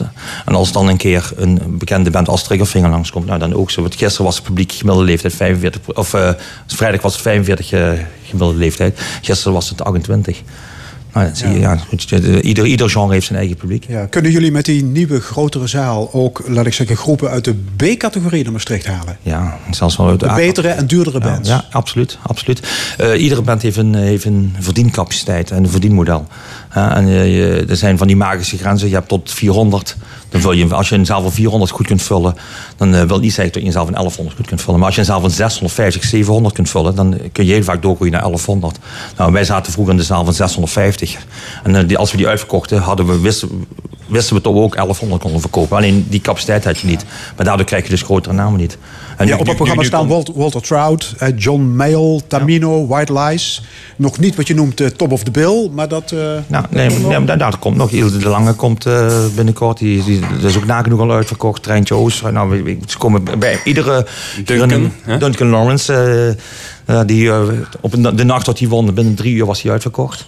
Dus we hebben echt wel uh, ja, mooie, mooie aansprekende namen. De Staat was ook binnen ja. no time uitverkocht. Paul Morel, in de Limburgzaal in Heerlen kunnen 1350 man. Dan moet wel iedereen staan. Um, zitten die twee niet in hetzelfde vaarwater? Bedoel, ja, waarom twee ja. gelijkwaardige popzalen op 25 kilometer afstand? Ja, ik denk dat er gewoon genoeg animo voor is. En er is genoeg aanbod. En nu is het zaak om voor beide clubs uh, die, dat, dat aanbod ook naar Limburg te halen. Dat wordt zeker een uitdaging. Maar uh, ja, vooralsnog gaat dat volgens mij uh, prima. Ik weet ook dat de podia veel overleg hebben onderling. Om gewoon te kijken van oké, okay, welke acts werken beter in Maastricht. Welke doen het beter maar Jullie gaan ook anders programmeren dan? We gaan een overleg programmeren. Het wil niet zeggen dat je dit als, als Heerlen wat doet, dat wij dat niet hoeven te doen. Maar het is vaak ook aan de band zelf. Hè. Bedoel, sommige bands hebben een voorkeur, die hebben twee of drie keer in Heerlen gespeeld. Nou, de volgende keer wel eens een keer Maastricht spelen. En de, de jaar erop gaan ze weer naar Heerlen. Soms doen ze het samen programmeren. Ik, ik denk dat de actieradius van een band... Hoe groter de band wordt, hoe groter de actieradius wordt. We hebben, we hebben met Triggervinger kaarten tot de Lille verkocht. Nou, er zijn ook mensen Heerlen gekomen. En als ik een hele volgend jaar Triggervinger boekt, of dit seizoen nog, dan zullen er ongetwijfeld ook mensen van Maastricht, Meers en omstreken van ons daar naartoe gaan. Dus die, die bands hebben gewoon een aantrekkingskracht. En dat, dat, dat gaat over stadsgrenzen heen. En bedoel, als je even naar Limburg nu kijkt, hè, grenswerk is goed in geïnvesteerd. In de, is pas open, of pas open. Doet het beter dan verwacht. Volt is een paar jaar geleden helemaal verbouwd. Nieuwe Noord gaat nu weer verbouwen. Nou, is nu aan de beurt met de opening. En je ziet gewoon dat het goed loopt. Dat is gewoon een, ja, een, een, enorme potentie. En een enorm potentie ook qua aanbod. Ja, wat heeft de nieuwe muziekgieterij gekost? 9,6 miljoen aan bouwkosten en 1,3 miljoen aan inrichtingskosten. Oké, okay, en wie heeft dat betaald? Uh, grotendeels de gemeente, een klein gedeelte door de provincie en een klein 1,7 miljoen door de muziekgieterij zelf. Ja, er zijn goed geoutilleerde popzalen in Limburg. Hè. Je noemde ze net al, de Limburgzaal, de Nieuwe Nor, ook een hele Volt, Sittard, EC Cultuurfabriek Roermond, Grenswerk Venlo, de Bosuil in Weert. Paul, heb je iets te klagen over de infrastructuur in deze provincie? Uh, nee, ik denk dat we naast die, uh, ja, die zes professionele podia in de zes grotere steden van Limburg uh, nu wel een beetje de infrastructuur voor elkaar hebben. Zeker als dadelijk de Nieuwe Noord ook verbouwd is. we hebben echt we hebben een keer geteld meer dan 100 festivals in Limburg. En dan hebben we het echt van de, van de kleintjes in de, ja. in de kerk. Maar wat zegt, dit over de, wat zegt dit over de vitaliteit van de Limburgse popcultuur? Want het is maar een deel van het verhaal, hè? Ja, nou ja, het, het, het, zegt dat er gewoon heel veel te doen is in popmuziek. Dat, heel veel, dat het heel veel mensen raakt. Dat er heel veel mensen ja, naartoe gaan of zelf muziek maken. En dat het gewoon een van de grootste cultuurstromingen in Limburg is. En zelfs buiten Limburg. Popmuziek maar zijn er ook voldoende repetitieruimtes bijvoorbeeld? Nou, Studiootjes? Ja, nou ja, goed, wanneer, eh, wanneer is het genoeg? Dat is even de vraag. Maar ik denk dat er zeker nog gekeken moet worden naar repetitievoorzieningen. Gelukkig heeft de, de muziekgieterij er nou, als ik me niet vergis, zes. We hebben er zes uh, volledig ingerichte muziek- uh, ja. of repetitieruimtes. En wat, wat, wel vernoemd moet worden, we bedoelen, in onze samenspel, want ook met alle, we werken met alle popodia samen, we hebben gezamenlijk nu een ticketing systeem wat we samen exporteren, of niet exporteren, maar die gebruiken we. Dus we kunnen daar heel veel kennis en know-how mee uitwisselen. Maar Elisabeth Stroeven bijvoorbeeld heeft samen met waar Paul ook in een commissie van zit, hebben, die gaan 1,1 miljoen investeren in jongeren op school weer in een schoolband te laten functioneren. En die kunnen dan de alle faciliteiten van de muziekgieterij gebruiken om dat weer uh, ja, om die, die voedingsbodem weer te krijgen, ja, even van onderop maar, weer. Wat ik bedoel is, om de vergelijking met voetbal te maken, hè, je kunt een gloednieuw mooi stadion bouwen, maar een goede, degelijke Precies. jeugdopleiding ja. is ook heel dus, relevant. Uh, kijk, de, de, in principe zijn de steden nu op orde en nu is het tijd om echt flink te gaan investeren in de inhoud en inderdaad uh, ja, investeren op het gebied van talentontwikkeling, zorg dat er een goed productieklimaat ontstaat, dat de voorzieningen wat dat betreft ook op orde zijn, dus dat er voldoende studio's zijn en, en repetitievoorzieningen en in ieder geval wordt aangehaakt ook bij de landelijke industrie om dat Limburgse talent tot wasdom te laten komen en inderdaad ook te exporteren naar Nederland en naar Europa en hopelijk ook daarbuiten. Je bent directeur van POP in Limburg, dat is de overkoepelende koepel, zeg maar. Hè? Ja. Wat, wat doen jullie precies? Uh, ja, we hebben een steun, advies, steun en adviesfunctie voor het uh, provinciale popveld.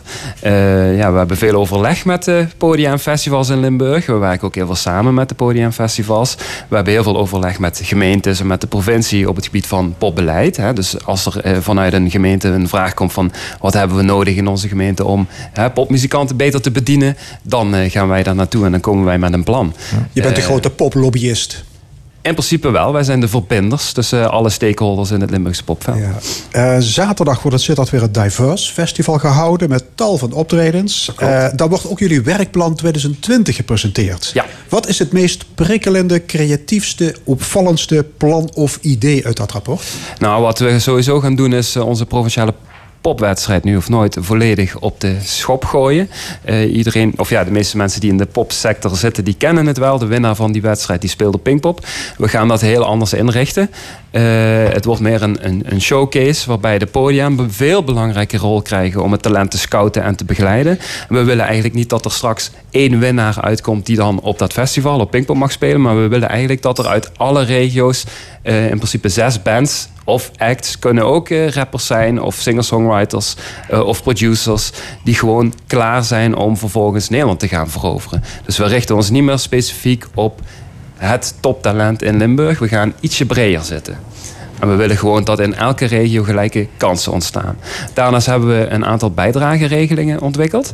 Uh, een van die bijdrageregelingen is het, uh, het, investeren in de humuslaag. Dus juist helemaal aan de onderkant. We merken dat in het uh, podiumcircuit onder de professionele podia steeds minder kansen zijn voor jonge uh, acts om op te treden.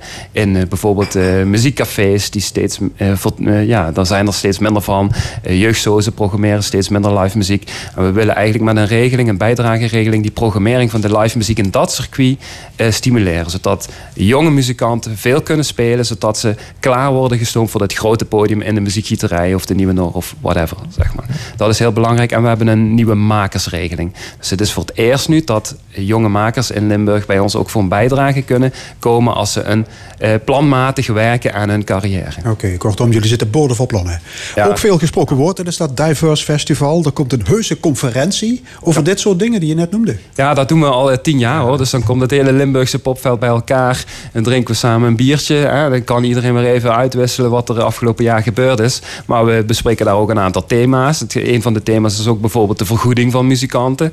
Eh, Ze staan altijd in het, laatste, in het eind van een keten, zeg maar. Iedereen krijgt betaald behalve de muzikant. Daar gaan we bijvoorbeeld met Arjo Klingens, eh, de, de manager van de staat, over hebben. De staat heeft eh, twee of drie jaar geleden een keer een, een miljoen subsidie gekregen voor het Fonds Podiumkunsten. Nou, daar is, eh, toen was het land te klein. Dat, wa- dat was blijkbaar ja, not done. En dat is heel vreemd, terwijl andere muziekgezelschappen of dansgezelschappen ja, wel heel veel subsidie krijgen. En dat is eigenlijk heel normaal. Binnen popmuziek kan dat niet. Maar we hebben dus ook het Showcase Festival. En daar showcasen we dus het talent uit Limburg en de Euregio. Dus er staan ook een stuk of twintig Belgische en twintig Duitse bands op ons programma. Ja, en ik heb begrepen dat jullie het gaan hebben over het verduurzamen van popfestivals. Ja, dat is Hoe heel- zou je bijvoorbeeld Pinkpop, hoe zou je dat kunnen vergroenen? Nou, er gebeurt bij Pinkpop ook al heel veel. Hè? Dus eh, ze hebben een eh, eh, collectie van de bekertjes, dat doen ze al jaren. maar er staan wel tientallen dieselgeneratoren te ronken op, Ja. op, op stookolie. Ja, en ze hebben het ook met biodiesel. Dus ze proberen daar stapjes te maken. Hè? Ook met zonnepanelen op toiletten, noem maar op. Maar het is zo'n grootschalig festival dat dat heel lastig is om te verduurzamen. Maar je kunt wel, ook het scheiden van afval hebben, ze- zijn ze al heel lang mee bezig. Biologisch eten. Dus eh, ja, met kleine stapjes maken ze daar, eh, komen ze steeds dichterbij. Maar we merken dat ook juist de heel, heel vele, hè, er zijn er honderd ongeveer in Limburg, de vele kleine festivals heel veel behoefte hebben aan informatie van wat kunnen wij doen. Hè? En geef ons concrete handvaten om daarmee aan de slag te gaan. Richard Lomans, hoe duurzaam, kringloopachtig, cradle to cradle is de nieuwe muziekgieterij? Ja, die is heel erg cradle to cradle. Eh, Het mooiste, mooi, mooiste voorbeeld is, eh, wij eh, wilden een hardhouten vloer hebben op het podium. En eh, nou ja, dan kun je, kun je een hardhouten vloer gaan kopen. Maar eh, wij kregen oren van de gemeente tot de Guzzelstar het sporthal werd, eh, werd eh, gedemonteerd. Dus we zijn met man en macht eh, eh, naar die Gusselsporthal eh, ge- getrokken. En hebben daar zelf de vloer eruit getrokken. Die hebben plankje voor plankje schoongemaakt en op het, op, bij ons op het podium gelegd. De hele muur van de achterwand van, het grote, van de grote zaal zijn de stenen van de, van de oude remisegebouw aan de Bosstraat. Dat hebben we steentje voor steentje hebben we die schoongemaakt. De meubeltjes die bij ons in de backstage staan, komen allemaal uit de kringloop. Eh, dus eh, Festival Bruis, wat wij doen, hebben het bewuste uh, het hardcup systeem. We werken niet met plastic bekers, maar met hardcups. Dan betaal je de eerste consumptie betaal je één extra muntje. Maar als je naar huis gaat, kun je die weer inleveren, krijg je dan euro voor terug. En dat geld wat er overblijft, dan zorgen wij ervoor dat het hele festivalterrein schoon blijft. Afval gescheiden wordt, lopen green teams van rond. Eh, en eh, zoals jij het festivalterrein opkomt, als je s'avonds om één uur van het festivalterrein afloopt, zo schoon is het festivalterrein nog. Dus eh, dat, daar wordt heel veel tijd aan besteed en heel veel aandacht aan besteed. En dat is wat Paul ook zegt, wij zijn nog redelijk kleinschalig met Bruis. En daar hebben we 21.000 bezoekers. Nou, dat is een, een, een fractie van wat Pinkpop dit te verwerken heeft.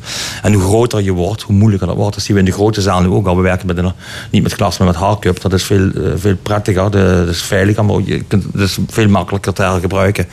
Maar dan eh, zie je in zo'n zaal wel dat je veel mensen hebt moeten rondlopen om die, die hardcups te verzamelen, om ze schoon te maken. Dus je, ja, met veel energie kun je dat, kun je dat regelen, maar ja, hoe groter je wordt, hoe moeilijker het wordt. Paul, tot slot, tijdens dat festival zaterdag wordt voor de eerste keer de Limburgse Popprijs uitgereikt. Hè? Dat klopt. Wat, wat is dat voor een prijs? Eh, eh, ja, we willen gewoon laten zien wat er gebeurt in de provincie. Dus we willen onze waardering uitspreken aan een aantal initiatieven die bijdragen aan de ontwikkeling van de popsector in Limburg.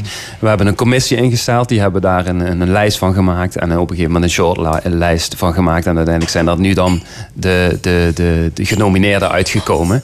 En dat gaan Dat zijn dus niet laten Het is een- begrijp ik. Het is een sectorprijs. Eh, dat zijn bijvoorbeeld muziekcollectieven of podia festivals eh, die bijzondere dingen hebben gedaan afgelopen jaar. En er is een prijs voor een bijzondere artiest die afgelopen jaar bijvoorbeeld is doorgebroken of op een, een, een fantastisch album heeft uitgebracht of veel in het buitenland speelt. Dat zijn ongeveer de criteria naar, eh, waarnaar wordt gekeken. En wat is de hoofdprijs?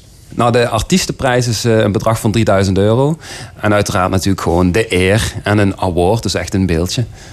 Oké, en wie staat er vanavond ook alweer op het podium voor de muziekgieterij? Je hebt de naam al genoemd. Le Zwaar uit Maastricht en The Gathering. The Gathering. Richard Lomans van de muziekgieterij in Maastricht en Paul Morel, directeur van Pop in Limburg. Hartelijk dank. Dankjewel. En popmuziek die is ook te horen hier vandaag in de stemming. Positive Energy, dat is de naam van de eenmansband die vandaag hier de muziek verzorgt.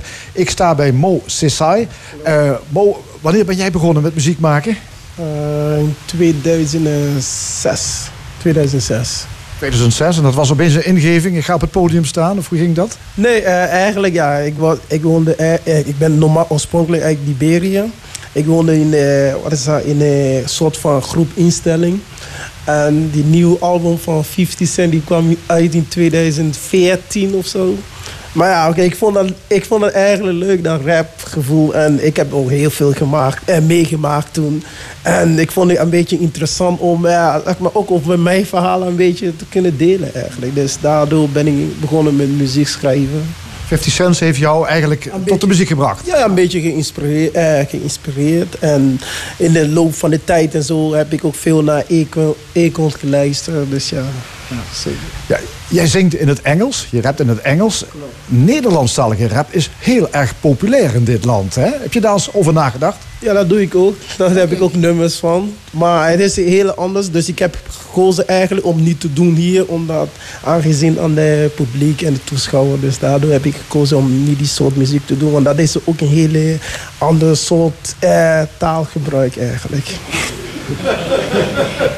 is, het, is het moeilijker in het Nederlands? Nee, nee, nee. Eigenlijk, ik heb het meer over de taalgebruik. Ik weet niet als je begrijpt wat ik bedoel.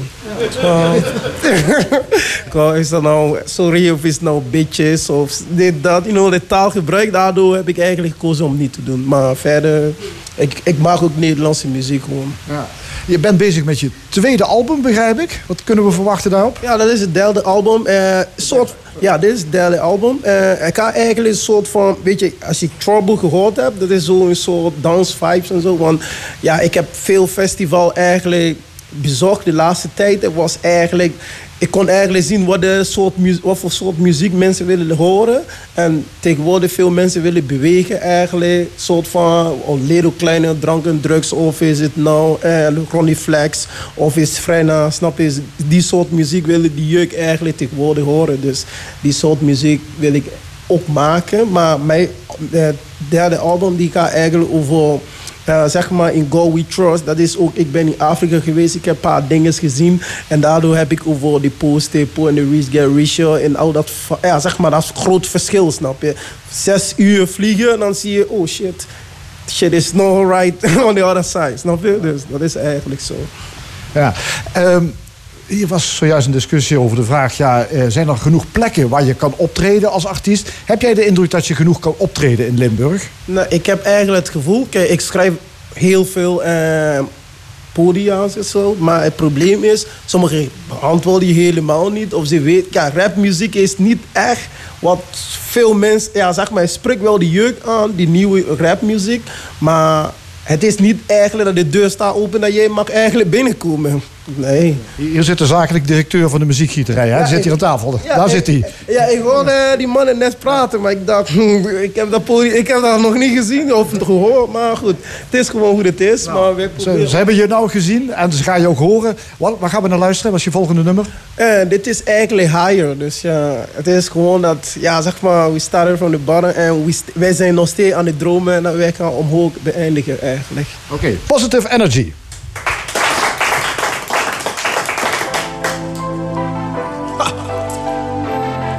Yeah.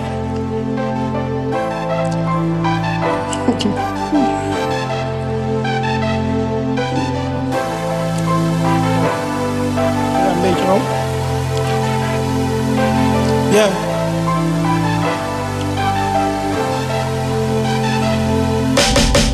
From LAB to the Netherlands, there's money out there. I gotta get it in. I gotta feed my fam. I gotta be the man. Unless you walk in my shoe, you won't understand. Because of civil war, I have to leave my land. I put my faith in God. He got a bigger plan. I'm trying to share my story with it mic in my hands. Many places that I've been, many things that I've seen. Life being a bitch, life being me. But to succeed, I am 2K. By any means, I'm never giving up on my dream. It's in my DNA, I got it in my genes. I'm addicted to success just like a fame. So that's me. I gotta keep a high self-esteem in order to shine bright like a laser beam. I'm never giving up. I'm never giving in. Mind of a fighter, soul of a fighter. Started from the bottom, but we gonna make it higher, higher, higher, higher. Mind of a fighter, soul of a fighter. Started from the bottom, but we gonna make it higher, higher, higher, higher. I gotta feed my daughter, I gotta support her. So I write even more than an author. I don't want her to go through what I've been through. You won't believe what I've seen, you think it's so true. So many glory I can tell you in this horror story. On the quest for this glory, you cannot ignore me. Trying to get it quick.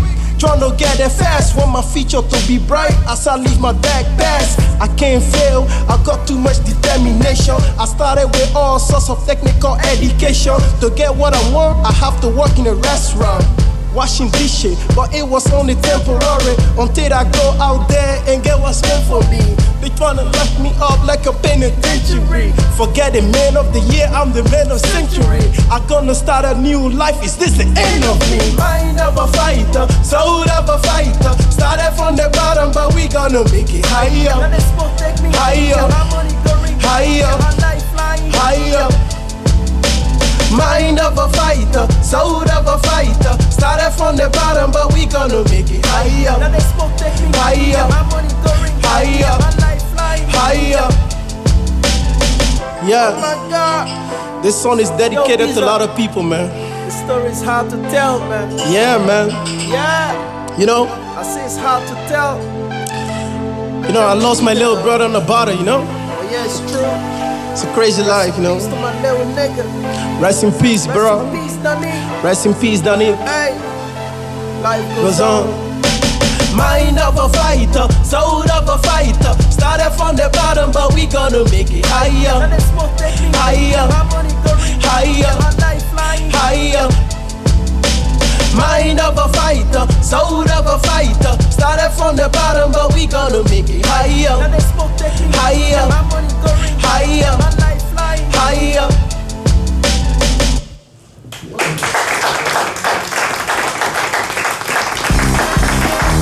De column. Vandaag met Rezi Kouwmans. Ja, soms hoop ze als columnist dat er gaat gebeurt. Ja, vooral de afgelopen week. Want ik heb namelijk vakantie nu. En ik was al shoe dat ik zich moest gaan vervelen met vakantieanekdotes. Rezi in de zee met hondje. Rezi met vuil eten in een chic restaurant. Rezi met een gin tonic. Rezi met een halve liter weizen. En dan had ik hier dus nu bij zo'n Frits Westerke moeten doen. Maar ja, nu wist ik dat in ieder geval Prinsjesdag eraan kwam. Dus dat ik zeker gaat geks kon zeggen over het insectenpekske van Marianne Thieme, de baard van de koning of de piephol van Oostkoningin. Nou, een beetje seks mag. Hè? Het is tenslotte 2019. Nou, en dat ik in ieder geval ook tijd genoeg had om de uiterst beschaafde algemene beschouwingen te kijken. Zodat ik vastgetpakkens kon zeggen over Wilders. Oh god, die op bezoek gaat bij een hele kranke mevrouw. En dat Rutte lachend met geit. En dat Beukle dat niet met moog. En in het ergste geval ga ik nog gaat kunnen vertellen over mijn goeie vriend, die door een van zijn beste vriendjes geëerd is met een eigen weg. Ja, dames en heren, weer hebben de Jos van de Rij Boulevard. Nou, soms hoop ze als columnist dat gebeurt. Het gebeurt. En dan bedoel ik ook niet dat je nek zwicht voor het grote geld onder het mom van een journalistieke uitdaging. Nee, want ik weet begot niet wat die uitdaging dan zou moeten zijn als ze gesponsord werd door inlegkruisjes. Maar Allah, ik hoop dat ze toch gelukkig weer bij RTL. Of die andere journalistieke uitdaging die ook prominent in het nieuws kwam. Twee botterboxen die een vlog willen maken over wie ze Area 51 binnendrongen. Wie stoom kent ze nog zien als jongeling? Ja, persoonlijk vind ik dat ze er nog gemakkelijk vanaf zijn gekomen met een geldboete en een kleine jui jui niet hè. En het leven gaat door. Alleen niet voor Dirk Wiersum. Daar gaat het leven niet meer voor door. En voor zijn vrouw en twee kleine kindjes staat het ook stil. Neergeschoten door iemand dat erbij wilt horen. Voor een paar cent en misschien een paar nu gymschoen. In opdracht van een loveback die misbruik maakt van een jonk. Dat meent dat het leven een film is. Een aanslag op een rechtsstoot, zeggen ze. Maar ik vind het in en in triest. Want het is een wicht nog. Een wicht wat helemaal niet beseft wat er heeft gedaan. Die heeft toch ook een vader en een moeder. En wat zal het die nu voelen? Dat haar kind tot zo gaat in is. En dat zijn leven nu ook voorbij is. Dat is nooit meer goed te maken. Niet met een boete. En zeker niet met een jui En wat ik dan niet snap, is dat dan zo'n Ridwan Taju dat tegen niet te vinden is. In deze wereld met zoveel camera's en digitale opsporingsmogelijkheden. Zus je steeds die rotfoto van de snoterkop in een of ander tropisch vakantieoord spotten nou eens kijken. Ja, wat nou jongen? Ik ben de patroon. Ha. Nu ben ik persoonlijk van mening dat iedereen ooit zijn meester tegenkomt. Hij ook, zeker, hoop ik. Maar ondertussen verandert er wel van een hoop anderen het hele leven. En ik hoop dat als ze hem ooit vangen, dat er geen ene advocaat hem wilt verdedigen. Zo. Nee. Soms wil ze als columnist dat er niks gebeurt.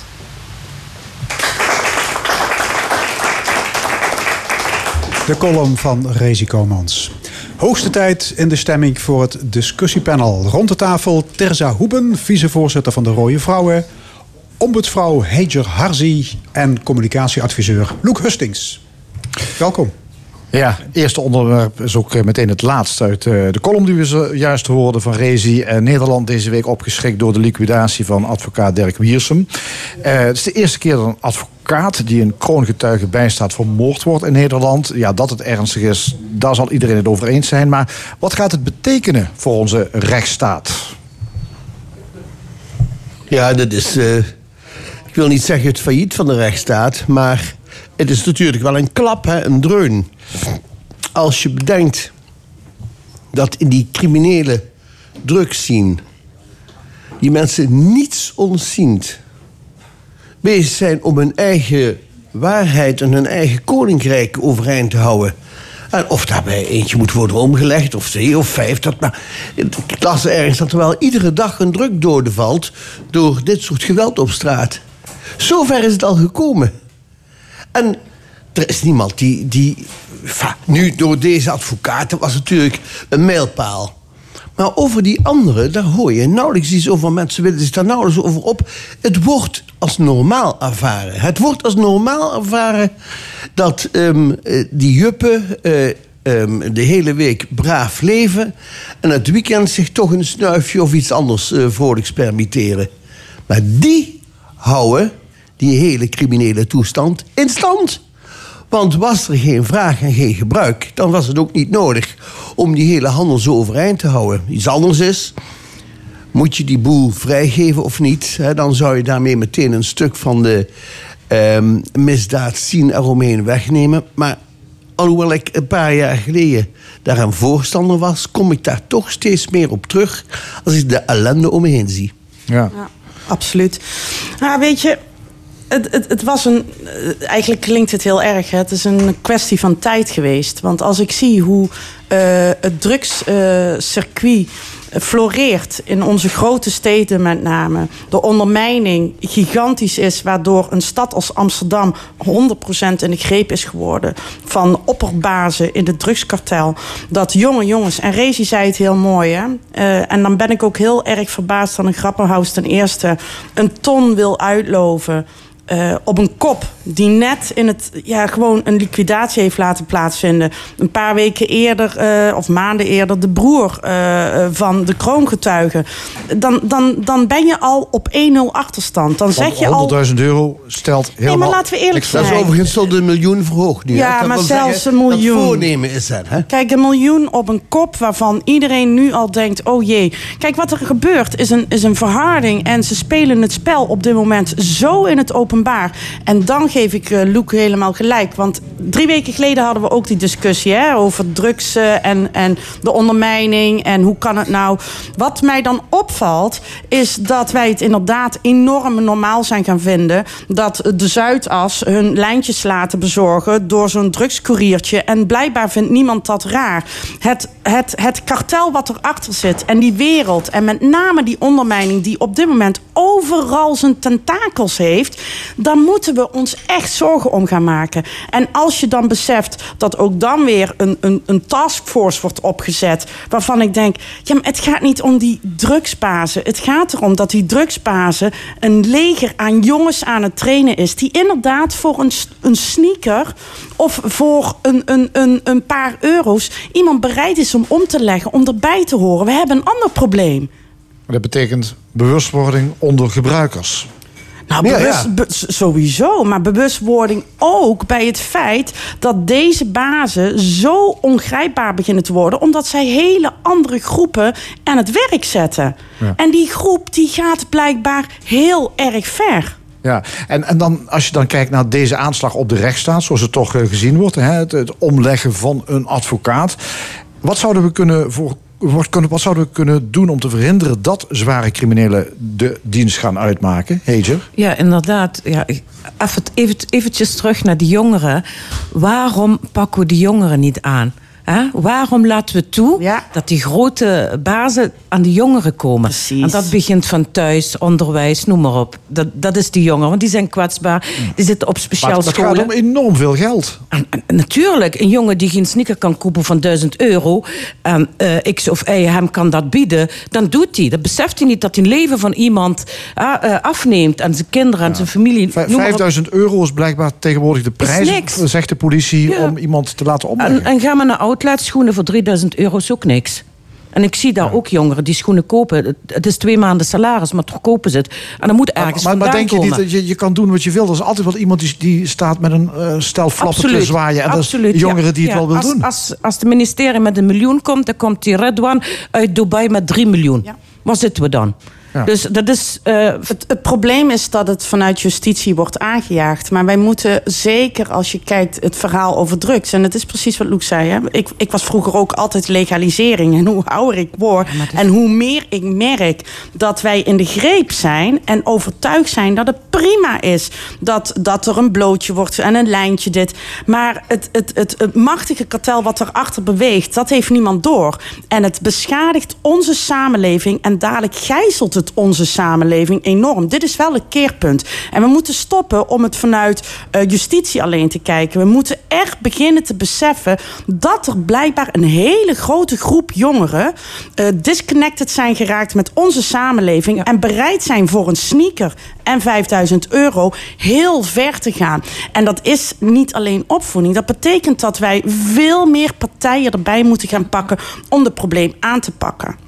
En de politie, justitie moet echt kei en keihard. Die moeten echt... Moet je, moet je daar een- zo'n speciale politie-eenheid voor opzetten? Ja, ja helemaal alleen voor dat. Want de aanhouder wint. Hè, en zo denken de criminelen ook. Ach, als de politie dat doet, dan doe ik dat. Maar als justitie en de minister plaats dat hij zegt 1 miljoen eh, voor een tip. Nee, 1 miljoen voor een ene eenheid die goed berust is om die criminelen te halen, waar, nou, waar dan ook ter wereld. Want die gaan elkaar tot aan Marokko, gaan ze elkaar doodschieten en achteraan jagen. Dus het mini- ministerie moet niet gaan op beloningen, maar echt investeren in haar eigen apparaat en haar eigen, eh, ja, haar personeel. Dat, ja, dat daar moeten ze staat doen. natuurlijk tegenover dat ehm, overigens meer dan 1 miljoen. Hè? Ik geloof dat 10 of 100 miljoen is dat ehm, voor die speciale dienst. 100 miljoen eenmalig. Eenmalig. Ja, goed, maar laten we daar eens mee beginnen. En dan zal blijken, als dat eenmalig is uitgegeven, dat er een geweldige noodzaak voor is. Ehm, want als je nu kijkt wat er aan de hand is, hè, en dat geldt voor bestuurders, maar dat geldt voor het politieapparaat, idem dito. Mensen weten überhaupt niet waar het over gaat. Die hebben geen idee hoe dat in elkaar zit. En als ze dat idee al wel hebben en ehm, ze, laten we zeggen, ze zijn zich van de ernst bewust, daar gaat het niet om.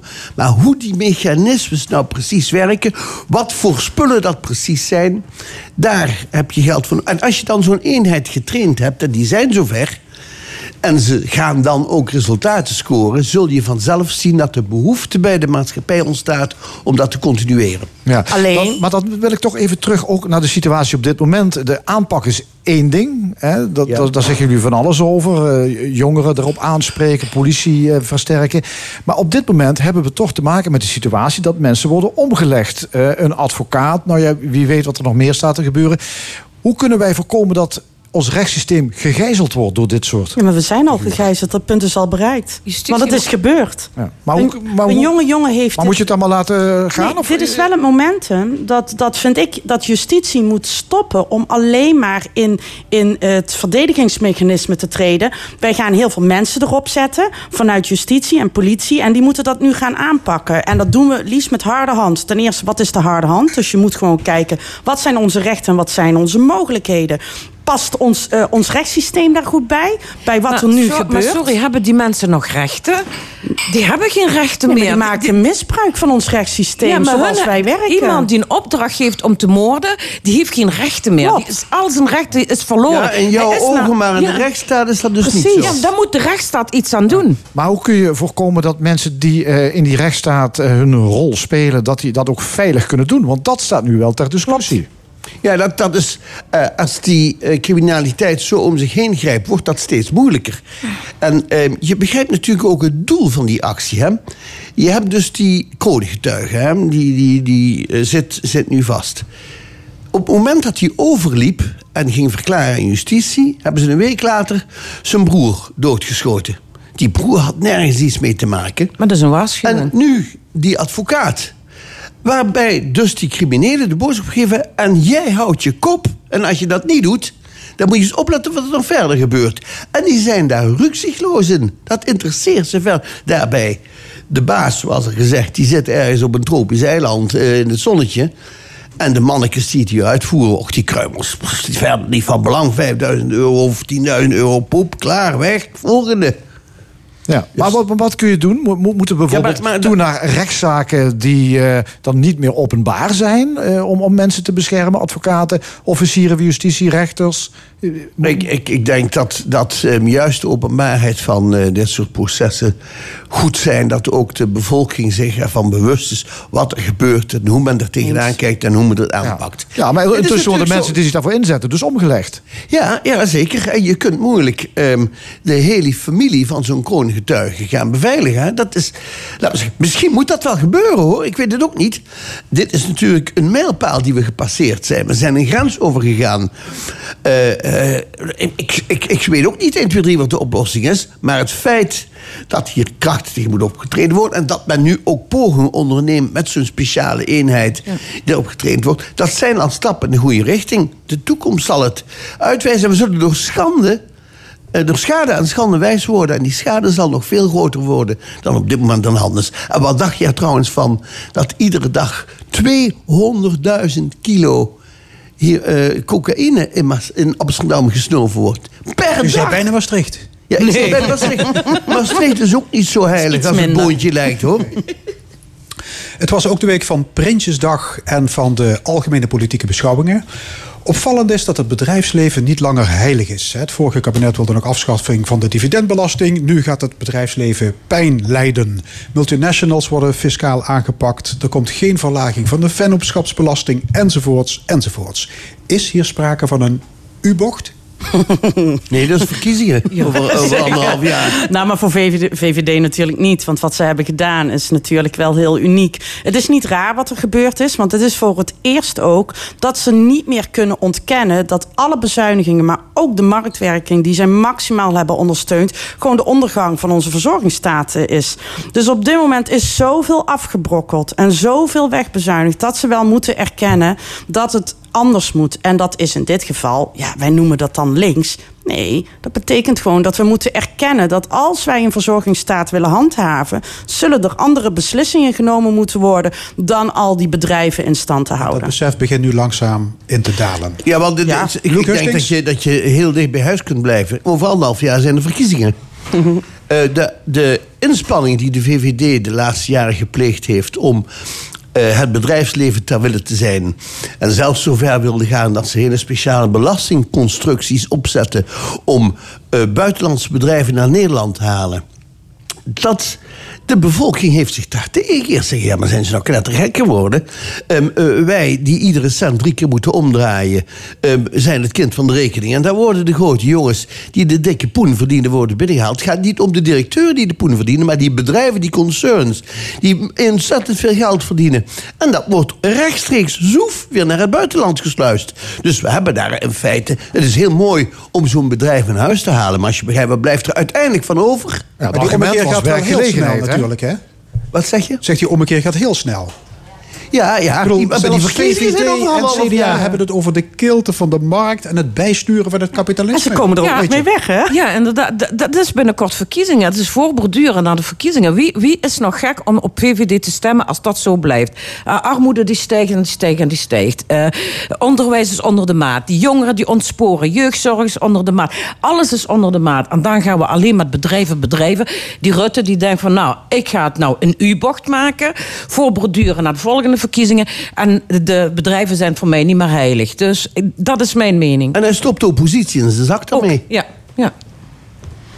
Ja, je wijst nu naar mij, maar wat is je Maar is vraag? de, is de linkse oppositie een beetje de kluts kwijt? Door die Nee, ommekeer? absoluut niet. Want eh, eigenlijk is het heel strategisch wat ze hebben gedaan... door eh, gewoon te laten zien van kijk... Dit is, dit is gewoon de werkelijkheid. De werkelijkheid is dat marktwerking niet een uitvinding is om Nederland beter te maken. Dus zelfs een machtige Rutte, die al bijna tien jaar op zijn plek zit, moet gewoon erkennen dat het linkse geluid op dit moment gewoon effectiever en beter is. En ook belangrijk Ja, maar, is voor maar het Nederland. gaat goed met Nederland. We hebben een overschot van 3,4 miljoen. Het gaat goed met Nederland. Alleen de verdeling en de voordelen gaan, gaat niet naar iedereen. Niet iedereen merkt het. Alleen de bedrijven. En nu zegt hij, oké, de bedrijven ga ik niet meer besparen. Die komen ook aan, aan het zet. Dus... Ja, maar dat is natuurlijk niet raar. Want op het moment dat, dat alle organisaties in de zorg hun hakken in de zand... Ja. de onderwijsinstellingen zeggen zo kan het niet verder... de woningbouw eh, eigenlijk weer helemaal draait zoals voorheen... voor de dus. crisis. Ja. Hè?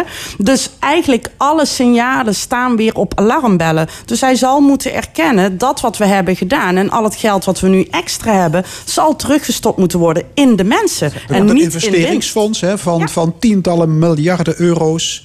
Hè, vroeger was het bezuinigen wat de klok slaat en nu kan het geld niet op. maar is weet dit je- de chameleon Rutte?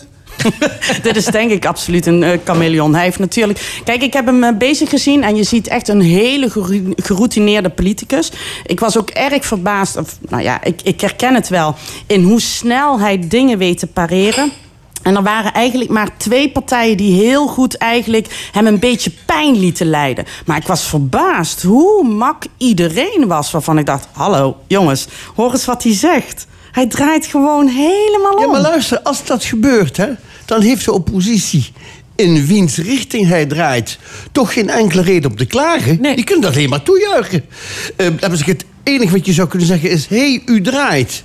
Ja, dat doe ik omdat jullie erom vragen. Ik bedoel, ben je gauw uitgepraat. Maar als je, je moet eigenlijk een stap teruggaan eh, in, deze, in, de, in deze discussie. Ehm, daar straks werd opgemerkt dat ehm, we veel meer aandacht aan de jeugd moeten besteden. Omdat daar het probleem begint. Hè? Maar die zijn kwetsbaar. Die zijn, Ehm, als je bedenkt dat wij op dit moment in dit zeer rijke land, hè, waar we 18 miljard over hebben, dat we niet in staat zijn om een leraar voor de klas te zetten. Dat er dus een enorm eh, tekort is aan diegenen die nou juist die jeugd, die kwetsbare jeugd, zou moeten opvoeden, begeleiden, een moraal, eh, een moreel kompas voorhouden enzovoort. En ik vind dat eigenlijk veel ernstiger. Dat op de, op de punten waar wij allemaal ons de meeste zorgen om maken, dat is veiligheid, onderwijs en zorg. Die drie punten. Eh, eh, eh, veiligheid, nou, wat is er in Amsterdam afgelopen? onderwijs, ik noem het net. Zorg, werd ook al hier aan tafel genoemd.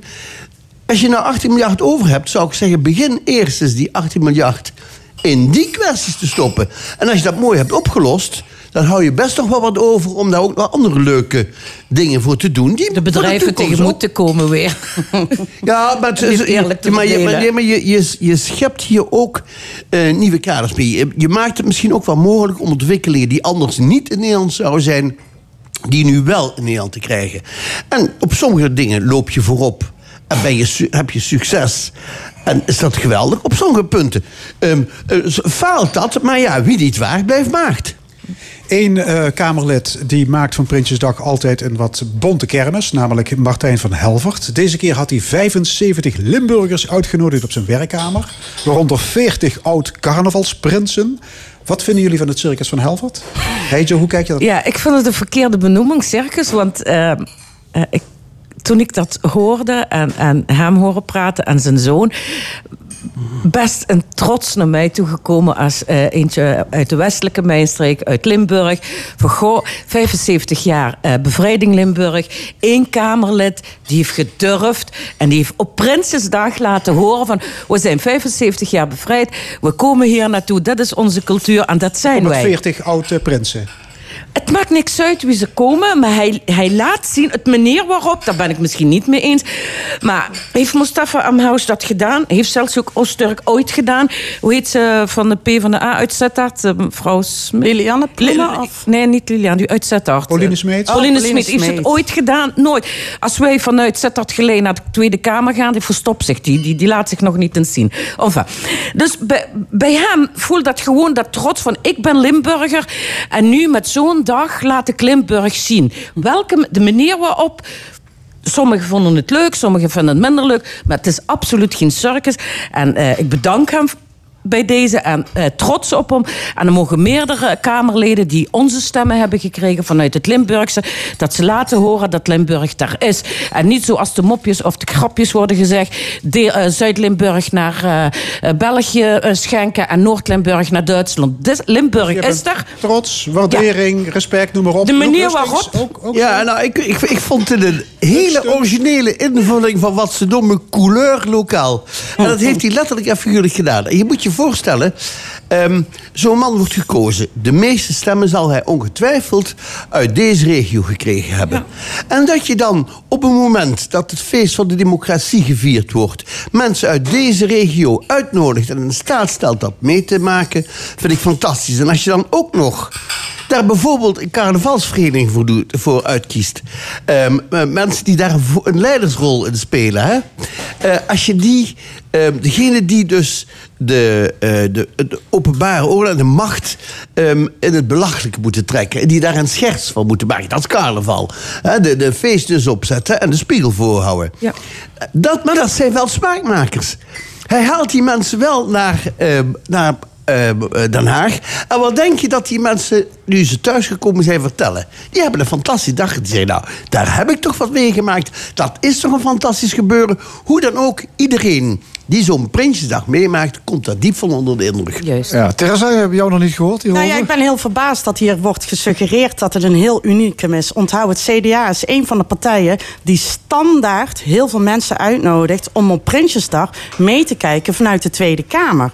En dat is dus niet uniek. En de manier hoe hij het heeft aangejaagd door als landelijke Tweede Kamerlid eh, Limburgse mensen naar Limburg te halen en in, in, echt in het of in Den Haag inderdaad, naar Binnenhof, het Limburgse volkslied.